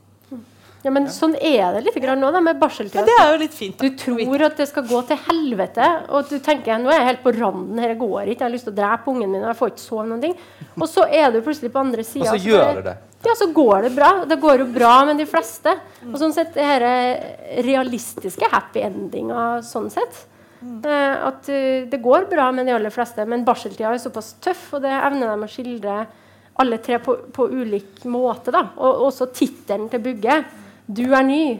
Eh, så Hvis vi snakker om tittel på de tre, så er 'Du er ny' er jo åpenbart ikke heller om barnet i dette tilfellet. Det er 'Du er ny som mor', sånn som jeg leste i hvert fall. Og det er ganske viktig at det igjen handler veldig Barnet inntar en slags birolle eh, i denne romanen, i likhet med de andre bøkene. Men Det som også er interessant med at det går bra, fordi det snakker jo eh, Isakstuen en del om, at det er sånn 50% av alle tvillingforeldre går fra hverandre innen et år. Eller noe sånt nå, driver hun. Det er statistikk som hun kommer tilbake til flere ganger. Og det er ganske imponerende på en måte at alle disse fedrene eh, som eh, Frode mener at de ikke skjønner noen ting. Eh, det, Skjønner det er hans tankeprogram på det. Men jeg tenker at de er, de er jo jæklig rolige da, veldig mye av tiden, alle sammen. Og det er liksom sånn er ja, både i, i rase og du er ny, så sier de sånn Vi ser at du trenger hjelp, og så løser de det kanskje på litt sånn forskjellige måter hvor gode de er. Men de virker liksom hele tiden til De altså- tar det mye Jo, men de tar det så chill. Ja, de gjør jo ikke en skit. sant? Altså, det vil si det Han der eh, duet i, i, i rasa, Han er jo veldig tilstedeværende. Han tar jo hele tiden den ene ungen. De har jo tre. Men eh, det, er jo, det er på en måte påfallende her hvor lite mannen altså det, det er jo liksom Det er jo lite deltakende menn i disse bøkene, bortsett fra dette denne slags idealskikkelsen av et du i rase som uten det hadde alt rast helt. Mens her i Mikkel Bugge er jo han er den som kommer med inntekt og jobber og sier 'Ser du ikke at ungen skriker?' Altså, hva, så sier hun Når, end, når det liksom har gått altfor langt, så sier hun 'du må bare fikse det'. Og da gjør han det. Men før det så gjør jo han veldig lite. Ja, men- ja, for jeg opplever det ikke som Jeg kan sikkert kanskje lese nøye nok, men jeg opplevde det ikke som at han ikke gjør noen ting og først rydder Jeg får ikke lov til å gjøre så mye heller, da. Av hun. hun inviterer jo ikke han akkurat inn. Nei, men Han er jo også alene. Altså, det er jo en skildring fra når han tar pappaperm, tror jeg. Hvor Mm. hun liksom skal for første gang ut og jobbe og være, gjøre noe Ja, annet. men og det, han det, er er jo alene da, det er jo da, hun, det er jo da eh, jeg-personen Mikkel Bugge skjønner at det likevel vil gå bra. Jeg vil, jeg vil Ja, men faktisk faktisk bli en god mor. Ja. Det, det skjønner jeg først når hun overlater barnet til far og er dritbekymra over at han spiller Candy Crush på telefonen. Og kommer han til å ta godt vare på barnet vårt? Barnet mitt ville ha det bra med far. Og det er også ganske gjenkjennelig, tror jeg, når du havner på andre sida av barsel, så bare, altså på per, eh, permisjonstida, og skal overlate barnet til far, så bare Dette kan jo neppe gå bra. Uansett om egentlig far eh, ja. null tillit. Ja, men jeg hadde ikke så lite tillit til han før den. Jeg hadde trua på at det kom til å gå fint. Jeg. Ja, men hun har ikke det. Nei, jeg vet det, men Hun, jeg, du altså, hun- er en dust. Jeg syns ikke Nei, han er en sånn nei, dust. skjønner du. nei, nei, nei, men jeg må finne det der stedet. Poenget uh, vi, skal, vi skal gå over nå snart mot slutten og så diskutere hva er det disse tre bøkene på en måte utforsker. For det ser ut som de i stor grad i hvert fall jobber med å utforske noe av det samme. Og det var uh, en viktig ting som ble sagt i panelet. Hva eh, alle, virker, altså alle disse bøkene virker i hvert fall å utforske at man er redd for sine egne reaksjoner i møte med det å få barn. Eh, og i varierende grad så bryter samfunnet inn. Men sånn en ting som jeg må lete opp her, det som handler om det som jeg tenker at disse mennene ikke forstår, men, og som Bugge eh, Det er veldig rart. For Bugge har jo på en måte forsøkt å utforske denne problematikken ved å gå inn i en kvinnelig hovedperson og skrive en jeg-personfortelling. Altså Han prøver som mann å gjøre noe så uhørt som å beskrive noe han åpenbart ikke kan ha erfaringer om. Og det er jo Altså, vi kan være opptatt av Vi kan være likhetsfeminist og forskjellsfeminist, og vi kan være opptatt av hvordan skriver man, men akkurat liksom at menn ikke føler på kroppen hva det vil si å være gravid, det, det tror jeg vi kan på en eller annen måte være enige om. Men det virker som om Bugge er ute etter å forsøke å forstå hva vil det si. Hvordan føles det? Og det han skriver så sykt bra om uh, på en eller annen side som jeg må finne, er at, at uh, at han her, eh, Joakim han skjønner ingenting av det å si å være gravid. Og det kjente meg rett og slett utrolig igjen. Jeg trodde jo jeg skjønte alt når jeg satt ved siden av en som var gravid. Akkurat sånn som han er Joakim. Og så leser jeg her bare om hvor ufattelig lite han Joakim skjønner. For det er et eller annet sted de, eh, jeg tror, som jeg trodde jeg hadde markert. De ser på skrekkfilm. Og så sitter de der. Sånn, sånn, Paret sitter og ser på skrekkfilm. Og så sitter, får vi del i hva hun tenker på. Antar det er en TV der, og, og han, eh, du får med deg at han liksom ser på TV. Og så Hun tenker bare om alt hun er redd. Og nå skal det snart føde. Det å få barn. Hva skal jeg gjøre? Økonomien. Og det dunker. Og liksom får en sånn innsidebeskrivelse av at nå er det noe som lever i hun, og hun er livredd verden. Og bare hva for en situasjon er det hun har kommet seg opp i? Og så kommer spørsmålet fra Joakim. Er du redd? Og så tenker jeg bare wow, shit, for en mann. Og så, og så, og så er selvfølgelig liksom Spør han om skrekkfilmen fungerer. Og hun aner ikke hva de har sett på TV. Altså Hun driter 100 null i hva som er på den skrekkfilmen. Og så setter han seg litt nærmere henne og ta et godt tak og holde rundt henne. liksom, 'Nå er jeg mannen din. Nå skal jeg ja, ta deg gjennom denne skrekkfilmen.' Og, og, og nå skal du, du trenger ikke å være noe mer redd nå, for nå er jeg her. Og så sitter hun bare og tenker på liksom, at han, han altså, Hun trenger ikke å si det engang. Vi bare som lesere skjønner at hun er et helt annet sted. Og det, det er jo en av, en av våre altså Mannens eh, på en måte heldige ting og ufattelig fremmedgjørende ting. At du, du skjønner ikke en dritt av hva som skjer når du er i nærheten av noen som er gravid. Og så skriver han rett og slett at her tror han og Joakim at de deler denne erfaringen av å se en skrekkfilm og han er redd, så skal han liksom opptre så, så, så omsorgsfullt. Og hun, hun kunne ikke brydd seg mindre om hva de ser. Så de kunne sett dyreprogram.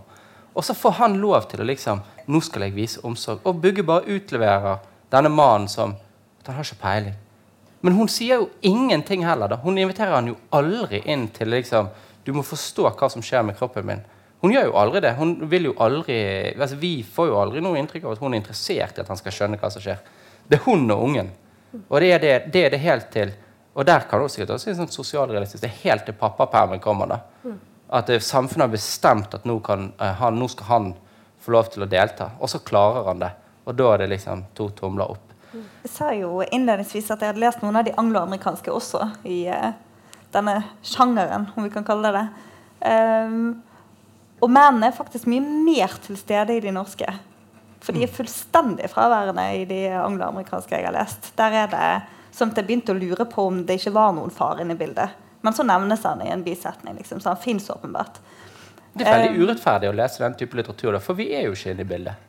Altså, vi er jo bare en som sitter i sofaen og ser på TV og tror vi hjelper til. Men vi, jo, vi sitter jo bare der. Eh, og ser på, altså på en måte kan legge en hånd over. Men det er jo Og det, der, ah, det er Men liksom, da er det jo veldig forfriskende at Bugge prøver faktisk Ja. å leve seg inn i erfaringen. Og jeg som syns at, eh, at det er en sånn misforstått tanke for tiden om at man må ha erfart noe for å skrive roman om det. Jeg syns at bygget er et godt bevis for at det trenger man da vitterlig ikke. Trodde jeg. Helt til jeg leste et intervju med han nå rett før jeg skulle hit. Der Viste han seg at hun hadde vært gravid, eller? Ja, på en måte. Det viste seg at da han skrev denne boken og prøvde å leve seg inn i å bli, være gravid, så fikk han så sterke fantomsmerter, psykiske smerter i magen, at han ble sendt på akutten og fikk de sterkeste smertestillende du får. Helt til de fant ut at han bare innbilte seg hele greia. Sånn Og det er bare tanken på graviditet. fordi han var svanger med denne boken.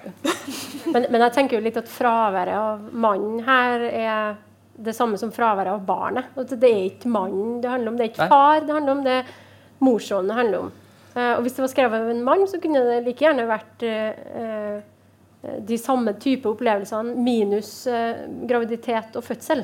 Eh, altså alle de opplevelsene av barsel og, av å, å oppdra et barn, det er jo noe som mor og far deler, i hvert fall i Skandinavia. Så tror jeg det- jo det ligger veldig veldig tungt bak her. da, At 1500 av de 3000 sidene av Min kamp handler om mannens erfaring med å få barn. Ja. Eh, så han Knausgård hviler veldig veldig tungt i bakgrunnen her. Det, ja, Og han er jo tungt inne i den sjangeren fra før, med 'Våren', eller hva det er? Ja. Tilegnelse til barnet og Ja, men, her, er- men liksom, Min kamp så skriver han jo om og det går rundt med barnevogn og de nære ting. Og hele den debatten om, om, om liksom de nære ting og barsel og bleier og sånn, det, det burde jo kommet eh, altså Det kom jo til en viss grad med han, fordi at når en mann skriver om det, så er det bra. altså Den debatten var man jo innom. Men det som jeg syns vi skal begynne å, å oppsummere her, så er det klart at det, alle som er redde for sine egne reaksjoner det er jo, altså, for de har jo, Vi har jo skrevet om barn og, og barsel lenge. Og de som har vært så heldige, eh, eller hvordan man skal se det, heldige eller uheldige å lese eh, Vesaas og, og liksom Bufast-trilogien om, og kvinner kv, Hør på den tittelen. En av de liksom mest legendariske titler i norsk litteraturhistorie. 'Kvinner roper heim'. Eh, der er det jo en tvillingsfødsel hvor Per eh, ikke får lov til å delta. Altså han, Nå skal det fødes på gården. Da, eh, mann, må du gå. Da blir han bedt om å gå ut. Så går han ut i naturen og så ser han alt som livet som syder, og alle og, og dyrene som får barn. og det liksom vokser frem i naturen. Så kommer han tilbake igjen, og så, og så står det sånn Det spruter morsmelk rundt på det kjøkkenet eh, i 200 sider etterpå. Og de er tvillingene for barn. Nei, får liksom mat. Og det er liksom en helt naturlighet. Og det er ingen problematisering, selvfølgelig. Det kan ha noe med at det var en mannlig forfatter. Ja, altså, Vil du ha problematisering, så kan du ta Olines fødsel hos Amalie Skram. Ja. I Hellemusfolket. Så får du eh, blod og gørr. Sant? Dette er jo ikke noe som eh, Ja, og blod og gørr. Altså, jeg, har en fors- jeg, jeg, jeg har en historie om blod, slim og materie. Det er jo Torborg Nederås av 'Måneskinn går ingenting'. Men nemlig det er jo både om, det, altså om aborten og det å ikke få barn. Det er jo ikke noe nytt, dette. Men særlig det at alle disse bøkene, eh, som Hanna Malene eh, sa, er så redde for sin egen reaksjon i møte med barnet, og at vi leser litteratur om at det er naturlig med, eh, med, med hud. Du må legge ungen inntil. Sant? Det her, I gamle dager så var det jo eh, altså I gammel norsk litteratur så er det jo en i bygden som kommer når noen skal få barn, og som kan ta vare på hele denne kunnskapen. Og at mens vi må lese i sånne brosjyrer legger, boks, ungen i en sånn eh, gjennomsiktig boks, og du går rundt på sykehuset og er dritstolt og, og henter altså, det, det er veldig annerledes. Og samfunnet har lukket det på en helt annen måte enn i gamle dager. Vi må lese at det er naturlig at ungen ligger inntil kroppen. Det, ja, det, da syns jeg det peker på noe veldig viktig som de tre bøkene har til felles. Altså der jeg mener jeg at de også blir veldig samtidsaktuelle og veldig samfunnsaktuelle i det de uh, tar opp nettopp de her temaene i en moderne drakt. Det er noe veldig lite økologisk og naturlig med måten vi forholder oss til hele livsløpet i dag. da.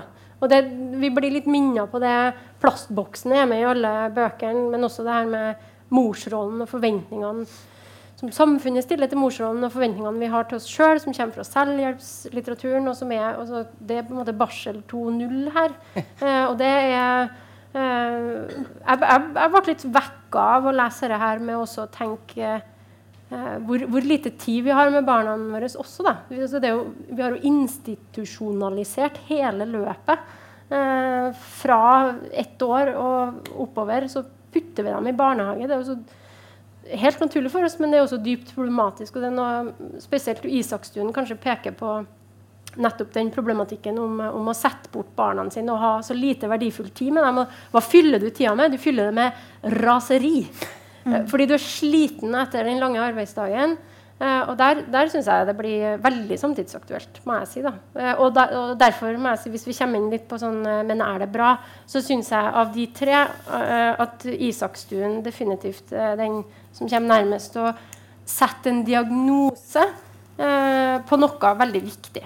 Og, og, den diagnosen I hennes tilfelle er det jo raseri.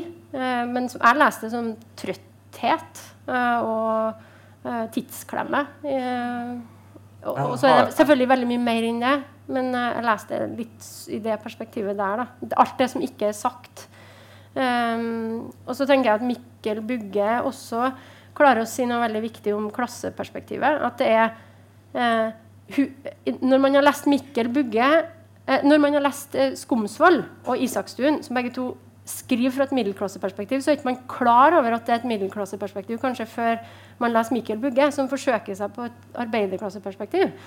Så setter han på en måte de to andre litt i, i, et, i et, klasseperspektiv, hvor det blir veldig akutt, i hvert fall for meg, at uh, det er ikke sånn at alle har en lik opplevelse av de her uh, erfaringene. Det, er en helt ulik virkelighet man beveger seg i. Det fins fattigdom i Norge i dag. Det sånn det framstår veldig som ilandsproblematikk, mye av det som både Isakstuen og Skomsvold tar for seg. Altså sånn at det er um, ja, de går til psykolog, altså Hun går til psykolog, Isakstuen. Bor et, de bor i møblerte hjem osv. Men det blir noe mer akutt da, i Bugge med det her klasseperspektivet. Så jeg syns, um, jeg syns både Isakstuen og Bugge uh, sier noe, noe viktig om om den erfaringen med, med, å bli foreldre i 2018. Den kunne ikke vært skrevet i 1980, liksom. Det er veldig samtidsaktuelt, syns jeg, da. Så det var to av tre som, som Det var en som falt utenfor, men er det bra? Ja, jeg syns ikke at Skomsvold er bra. Det må jeg si. Jeg syns det er noen scener som er gode, men jeg syns det blir altfor klamt. Uh, med her, eh, den ikke navngitte forfatteren, som jeg ikke er interessert i å høre om i det hele tatt. Som bare forstyrrer historien og forsterker inntrykket av at barnet er skomsvold, Og det er, et ubehag i det også. Så for meg faller hun litt ut her, ja. Jeg må si det. Jeg merket meg også at uh, altså denne trusselen om barnevernet, den er til stede hos Isakstuen også. Og hos Bugge. Mm. Den, uh, vi har vært inne på det, men altså, det er jo også litt særnorsk, det er det ikke? Frykten for barnevernet. Det er jo det vi har blitt kjent for internasjonalt i det siste. Å ha et uh, veldig aktivt barnevern. Mm. Og her skjønner man virkelig at, det, at den kommer, den uroen. Eh, Knausgård skriver faktisk også om det mm. i våren, når han blir innkalt. Mm. Altså disse spørsmålene som skal stilles, og den tvilen du føler at blir rettet mot deg. Klarer du deg egentlig? Mange enheter drikker du i uken? Ikke sant? Og er det riktig antall? Og så videre. Og det tror jeg rammer ganske overalt nå. Hvis du tenker på, som du sier, eh, arbeiderklasse, og eh, når man ikke får det til å gå så lett rundt økonomisk heller, kanskje, og ikke kan ta ut full permisjon for begge, mm. så um, kan jeg skjønne at det oppleves som et helt reelt uh, press. Og at mye av dette her, eh, med at man er så redd for sine egne reaksjoner, det handler kanskje om at man har også internalisert et slags institusjonsblikk. Staten uh, ser deg hele tiden. Ja. Jeg synes jo, Det er jo det utenforblikket som er liksom Det er det som er avgjørende her. Men jeg tenker at for meg, fordi Du snakker nettopp det at det er den samtidsdiagnosen med hvem som raser. sånn, Men jeg, sånn som jeg gjentar meg selv det uendelige, men nettopp, for meg så er det jo at alle disse tre kvinnene jeg tror det er så for å henge meg på disse mennene er så rolige. For alle disse tre kvinnene er jo virkelig ikke rolige. Er spørsmålet er det det at de har gått gravide og født som gjør det, eller er det For meg så virker de alle tre på en måte som om de har vært ganske ustabile fra før av. Eh, og vi, måte, hvis man har lest Skomsvolds tidligere verker, da, så har jo hun nettopp en et forfatterskap med karakterer som kanskje ligner på henne, som har hatt ME og har vært dypt deprimert og på en måte er hele tiden redd for denne, denne kanten på en måte som finnes et eller annet sted, som du kan falle over, og så går du tilbake og så kommer du inn i den sykdommen igjen. Og det å få barn og det å plutselig skulle ha ansvar er i en sånn situasjon veldig veldig skremmende. For nettopp du kan ikke bare forsvinne. Eh, og det at du faller over kanten, det er ikke bare liksom deg over kanten, men det er noen andre over kanten. Og det er jo kanskje derfor jeg tenker at og at det er ikke nødvendigvis noe som bare handler om barn. Det er noe som kan skje i en livssituasjon hele tiden. Det kan skje sånn, å ha en jobb. Da, ok, Hvis du faller over kanten, nå, så er det ikke deg over kanten. Da er det dine arbeidsoppgaver og dine kolleger og dine liksom, sykemeldinger og alt mulig. Altså, så for meg så handlet det ikke sånn for å være tilbake til en, Jeg føler meg ikke truffet av en mengde med morsmelk. Eh, fordi For meg så handler det om en sånn psykisk hele tiden på kanten-situasjon, som er den jeg føler at vi er i veldig mye i norsk samtidslitteratur. Men her så er den kanten-følelsen så utrolig prekær pga. dette med barnet. Og det syns jeg at Skomsvold også får med til tider, da, men ikke så mye på slutten. Ja. Ah, altså bare et sitat da. De var sterke for meg, fulle av mot og styrke og handlingskraft for meg. De viste meg ikke hvor redde og fortvilte de må ha vært, og jeg husker at mamma en gang sa at når man går på fjellet i snørstorm og har barna sine i pulk bak, da legger man seg ikke ned. Jeg er så glad for at det er min tur å være voksen nå, at jeg slipper å være barnet lenger. Og når, altså, når Skomsvold er god, så er hun så forbannet god. Altså øh, øh, Mitt problem med denne boken er at, øh, at Skomsvold hun kan, hun, kan virke, altså hun kan skrive helt der oppe. Men hun har ingen mellom... Altså det er ikke noe mellomnivå. Så, øh, Bjerk Hagen, Erik Bjerk Hagen sa at, at problemet med Vigdis Hjorth er at hun er genuint mellomlitterær. Altså, det kan man jo være helt uenig i. Det er genuint uenig Ja, selvfølgelig. Men, men poenget var at, at Vigdis Hjorth hun er alltid bra. Uansett hva hun skriver, så er det alltid bra. Men det er liksom aldri godt. Det er liksom ikke ekte godt. Men hun, altså, Vigdis Hjorth kan ikke skrive dårlig. Men hun kan heller ikke skrive bra, ifølge han. da. Men Skomsvold kan, Skomsvold kan ikke skrive liksom, greit. Hun kan bare skrive helt ufattelig bra eller ganske dårlig. Og det er, er, er problemet her. For når de passasjene denne boken er god i, er hun helt ufattelig god i. Men kan jeg også få lov å lese en passasje som jeg syns er skrekkelig? Eller er det litt sånn eh, fælt i podkastøyemed? Eh, Skomsvold eh, på sitt verste syns jeg er hva, hva heter det på engelsk? Eh, eh, telling, ikke showing. Altså hun overdriver veldig, da. Eh, her snakk, her, veldig kort, altså. Hun diskuterer mm, den her avdøde forfatteren. Eh, avdøde eksen. Jeg er ikke like sint på ham som jeg var i begynnelsen. Jeg var så forferdelig sint så veldig lenge. Og noen ganger er jeg fortsatt sint på han. Noen ganger tenker jeg at han kunne ha valgt annerledes. At det var så bortkastet. At det bare var bortkastet og ingenting annet. Han var et spesielt menneske, og det fantes mennesker som trengte ham. Og så kommer det. Det er andre jeg fremdeles er sint på. Like sint på som meg selv. Hver gang jeg tenker på henne, blir jeg sint. Og så kommer det da det jeg oppfatter som et privat oppgjør med en, eh, eh, en annen, et annet kvinnemenneske knytta til denne relasjonen. Og da, altså Det er fullt av sinte utropstegn i, i boka mi og barnet her. fordi jeg føler at jeg er med på en privat reise som jeg ikke har interesse av å være med på. Og at du også bare overforklarer hele tida følelsene sine. Ah, 'Jeg er så sint. Jeg er så sint.' Det er en god gammel uh, 'telling, not showing'. Det, men er det bra? Nei, det syns ikke jeg det. Ikke i sånne partier. Og dem er det ganske mange av i denne boka her. Da ødela jeg for podkasten vår, skjønner jeg. Men det får vi jo bare gi blaffen i. Jeg er med Frode. Jeg syns han er ujevn, men jeg syns han er eh, absolutt lesverdig. Men jeg tror også jeg har en litt, eh, som jeg nevnte innledningsvis, og litt annen tilnærming til hele eh, Altså det å lese den som virkelighetslitteratur. Mm. Jeg syns kanskje det er også givende.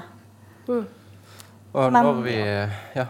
Nei, eh, bare for å fortsette, eh, siden vi var inne i en sånn sammenligning, så tenkte jeg at jeg kunne legge til at eh, hvis man skal rangere de, så tror jeg nok det er rase av Isakstuen som har gjort sterkest inntrykk. Og så vil jeg bare nevne, sånn, fordi vi, det kanskje ikke kom så godt frem i, i sammenligningen vår, eh, eller sitatene våre, det vet jeg ikke, men både Isakstuen og Mikkel Bygge har veldig mye humor. Mm. Det er veldig mye absurditet. Det er ikke altså Jeg syns han er helt rett i å trekke linken til denne her navlebeskuende som det ofte kalles da, litteraturen. At det ofte handler om mennesker som står på eh, stupet, og som har det fælt. Men eh, det er også utrolig mye humor her, og det er mye distanse. Og det er mye å gå inn i de mest absurde delene av eh, det å stå i denne situasjonen. Og så tværer det ut til du virkelig ser hvordan dette her blir komisk. Jeg tror bare derfor, liksom, jeg lurer på om da Jeg var veldig usikker før vi begynte på hva jeg egentlig liker. Men når vi har snakket om det, så tenker jeg at da synes jeg at hvis vi skal også snakke om barsellitteratur, så syns jeg at det er Bugge som nettopp gjør den morsomste jobben og kanskje beste jobben og mest skremmende jobben fordi han gir så mye plass til kropp. Og jeg synes den kropp Jeg synes kropp er dritskummelt. Jeg har aldri likt kropp. Eh, Det er, det er ganske mye kropp i de to andre. også, ja, nei, jeg synes, altså, Isakstuen er mest det, psykiske. psykiske. Og på en måte, ja, Hun er kroppslig til stede, og barna er der, og de er i veien, men det er det mye mer sånn vi søler melk, og vi er sure, og vi er slitne og trøtte. Eh, og Skomsvold har jeg synes ikke så mye kropp, nei. Eh, mens Bugge har jo nettopp så, det der lange sitatet jeg hadde da, det er mange sånne passasjer. Det er veldig mye du må stole på kroppen din.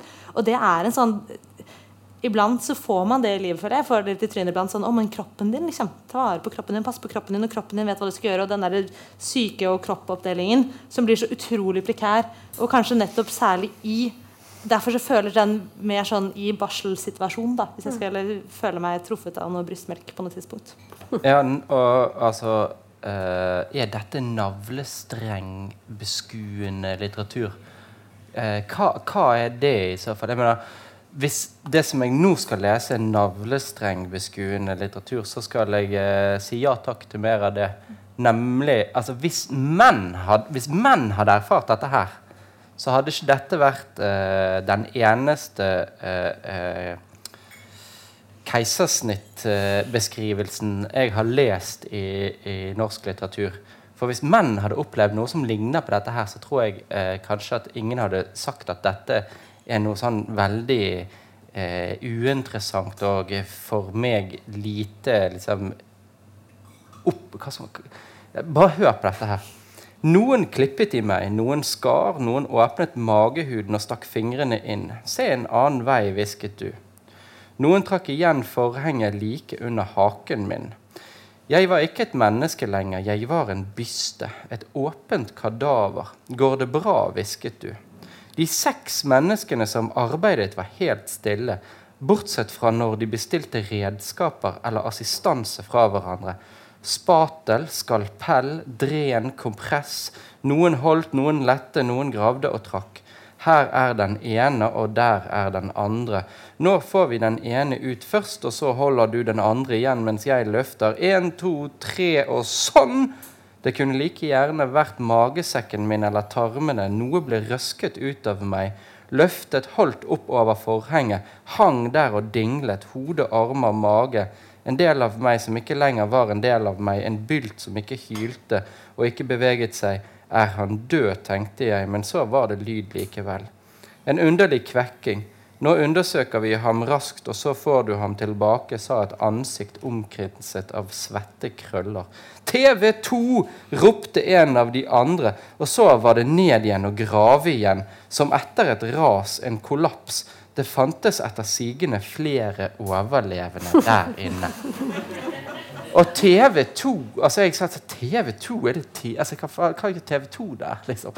Nei, det er selvfølgelig det, det, det, det, de kaller tvilling 1 og tvilling 2. Hvor er TV2? ropte den andre.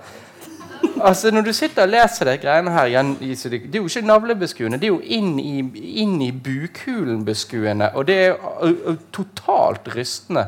eh, I hvert fall for sånne som meg å lese. Altså, dette er jo Altså, dette vet ikke jeg fins. Det er jo helt sykt. Eh, og så er det, det er mange som erfarer denne type ting. To, TV1 og TV2 løfter det ut. Altså.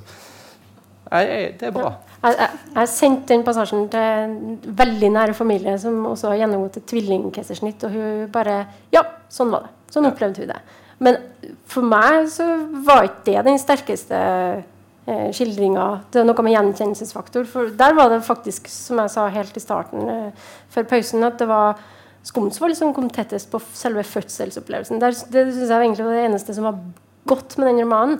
Eh, er skildringa av å bli voldtatt av naturen. Jeg vil anbefale alle å lese den eh, boka et, hvis man føler er seg voldtatt av naturen under fødsel. Um, så så det, der, du tar med deg din erfaringsbakgrunn inn i lesninga. Jeg synes jo i kveld at det har vært litt sånn interessant å høre litt forskjellig ut ifra om man har opplevd fødsel eller, ikke.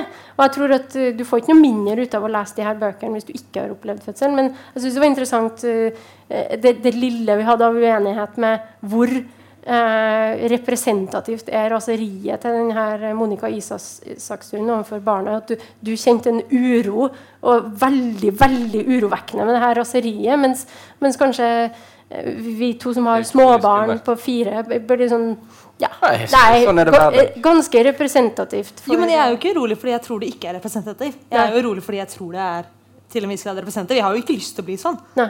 Ikke sant? Det er ingen som har lyst til å bli sånn, men Nei, nettopp. sånn hele Men så det er, jeg er jo ikke urolig fordi sånn. jeg tror at dette er crazy. Jeg, tror jeg er urolig nettopp fordi jeg tror det ikke er det. Ja.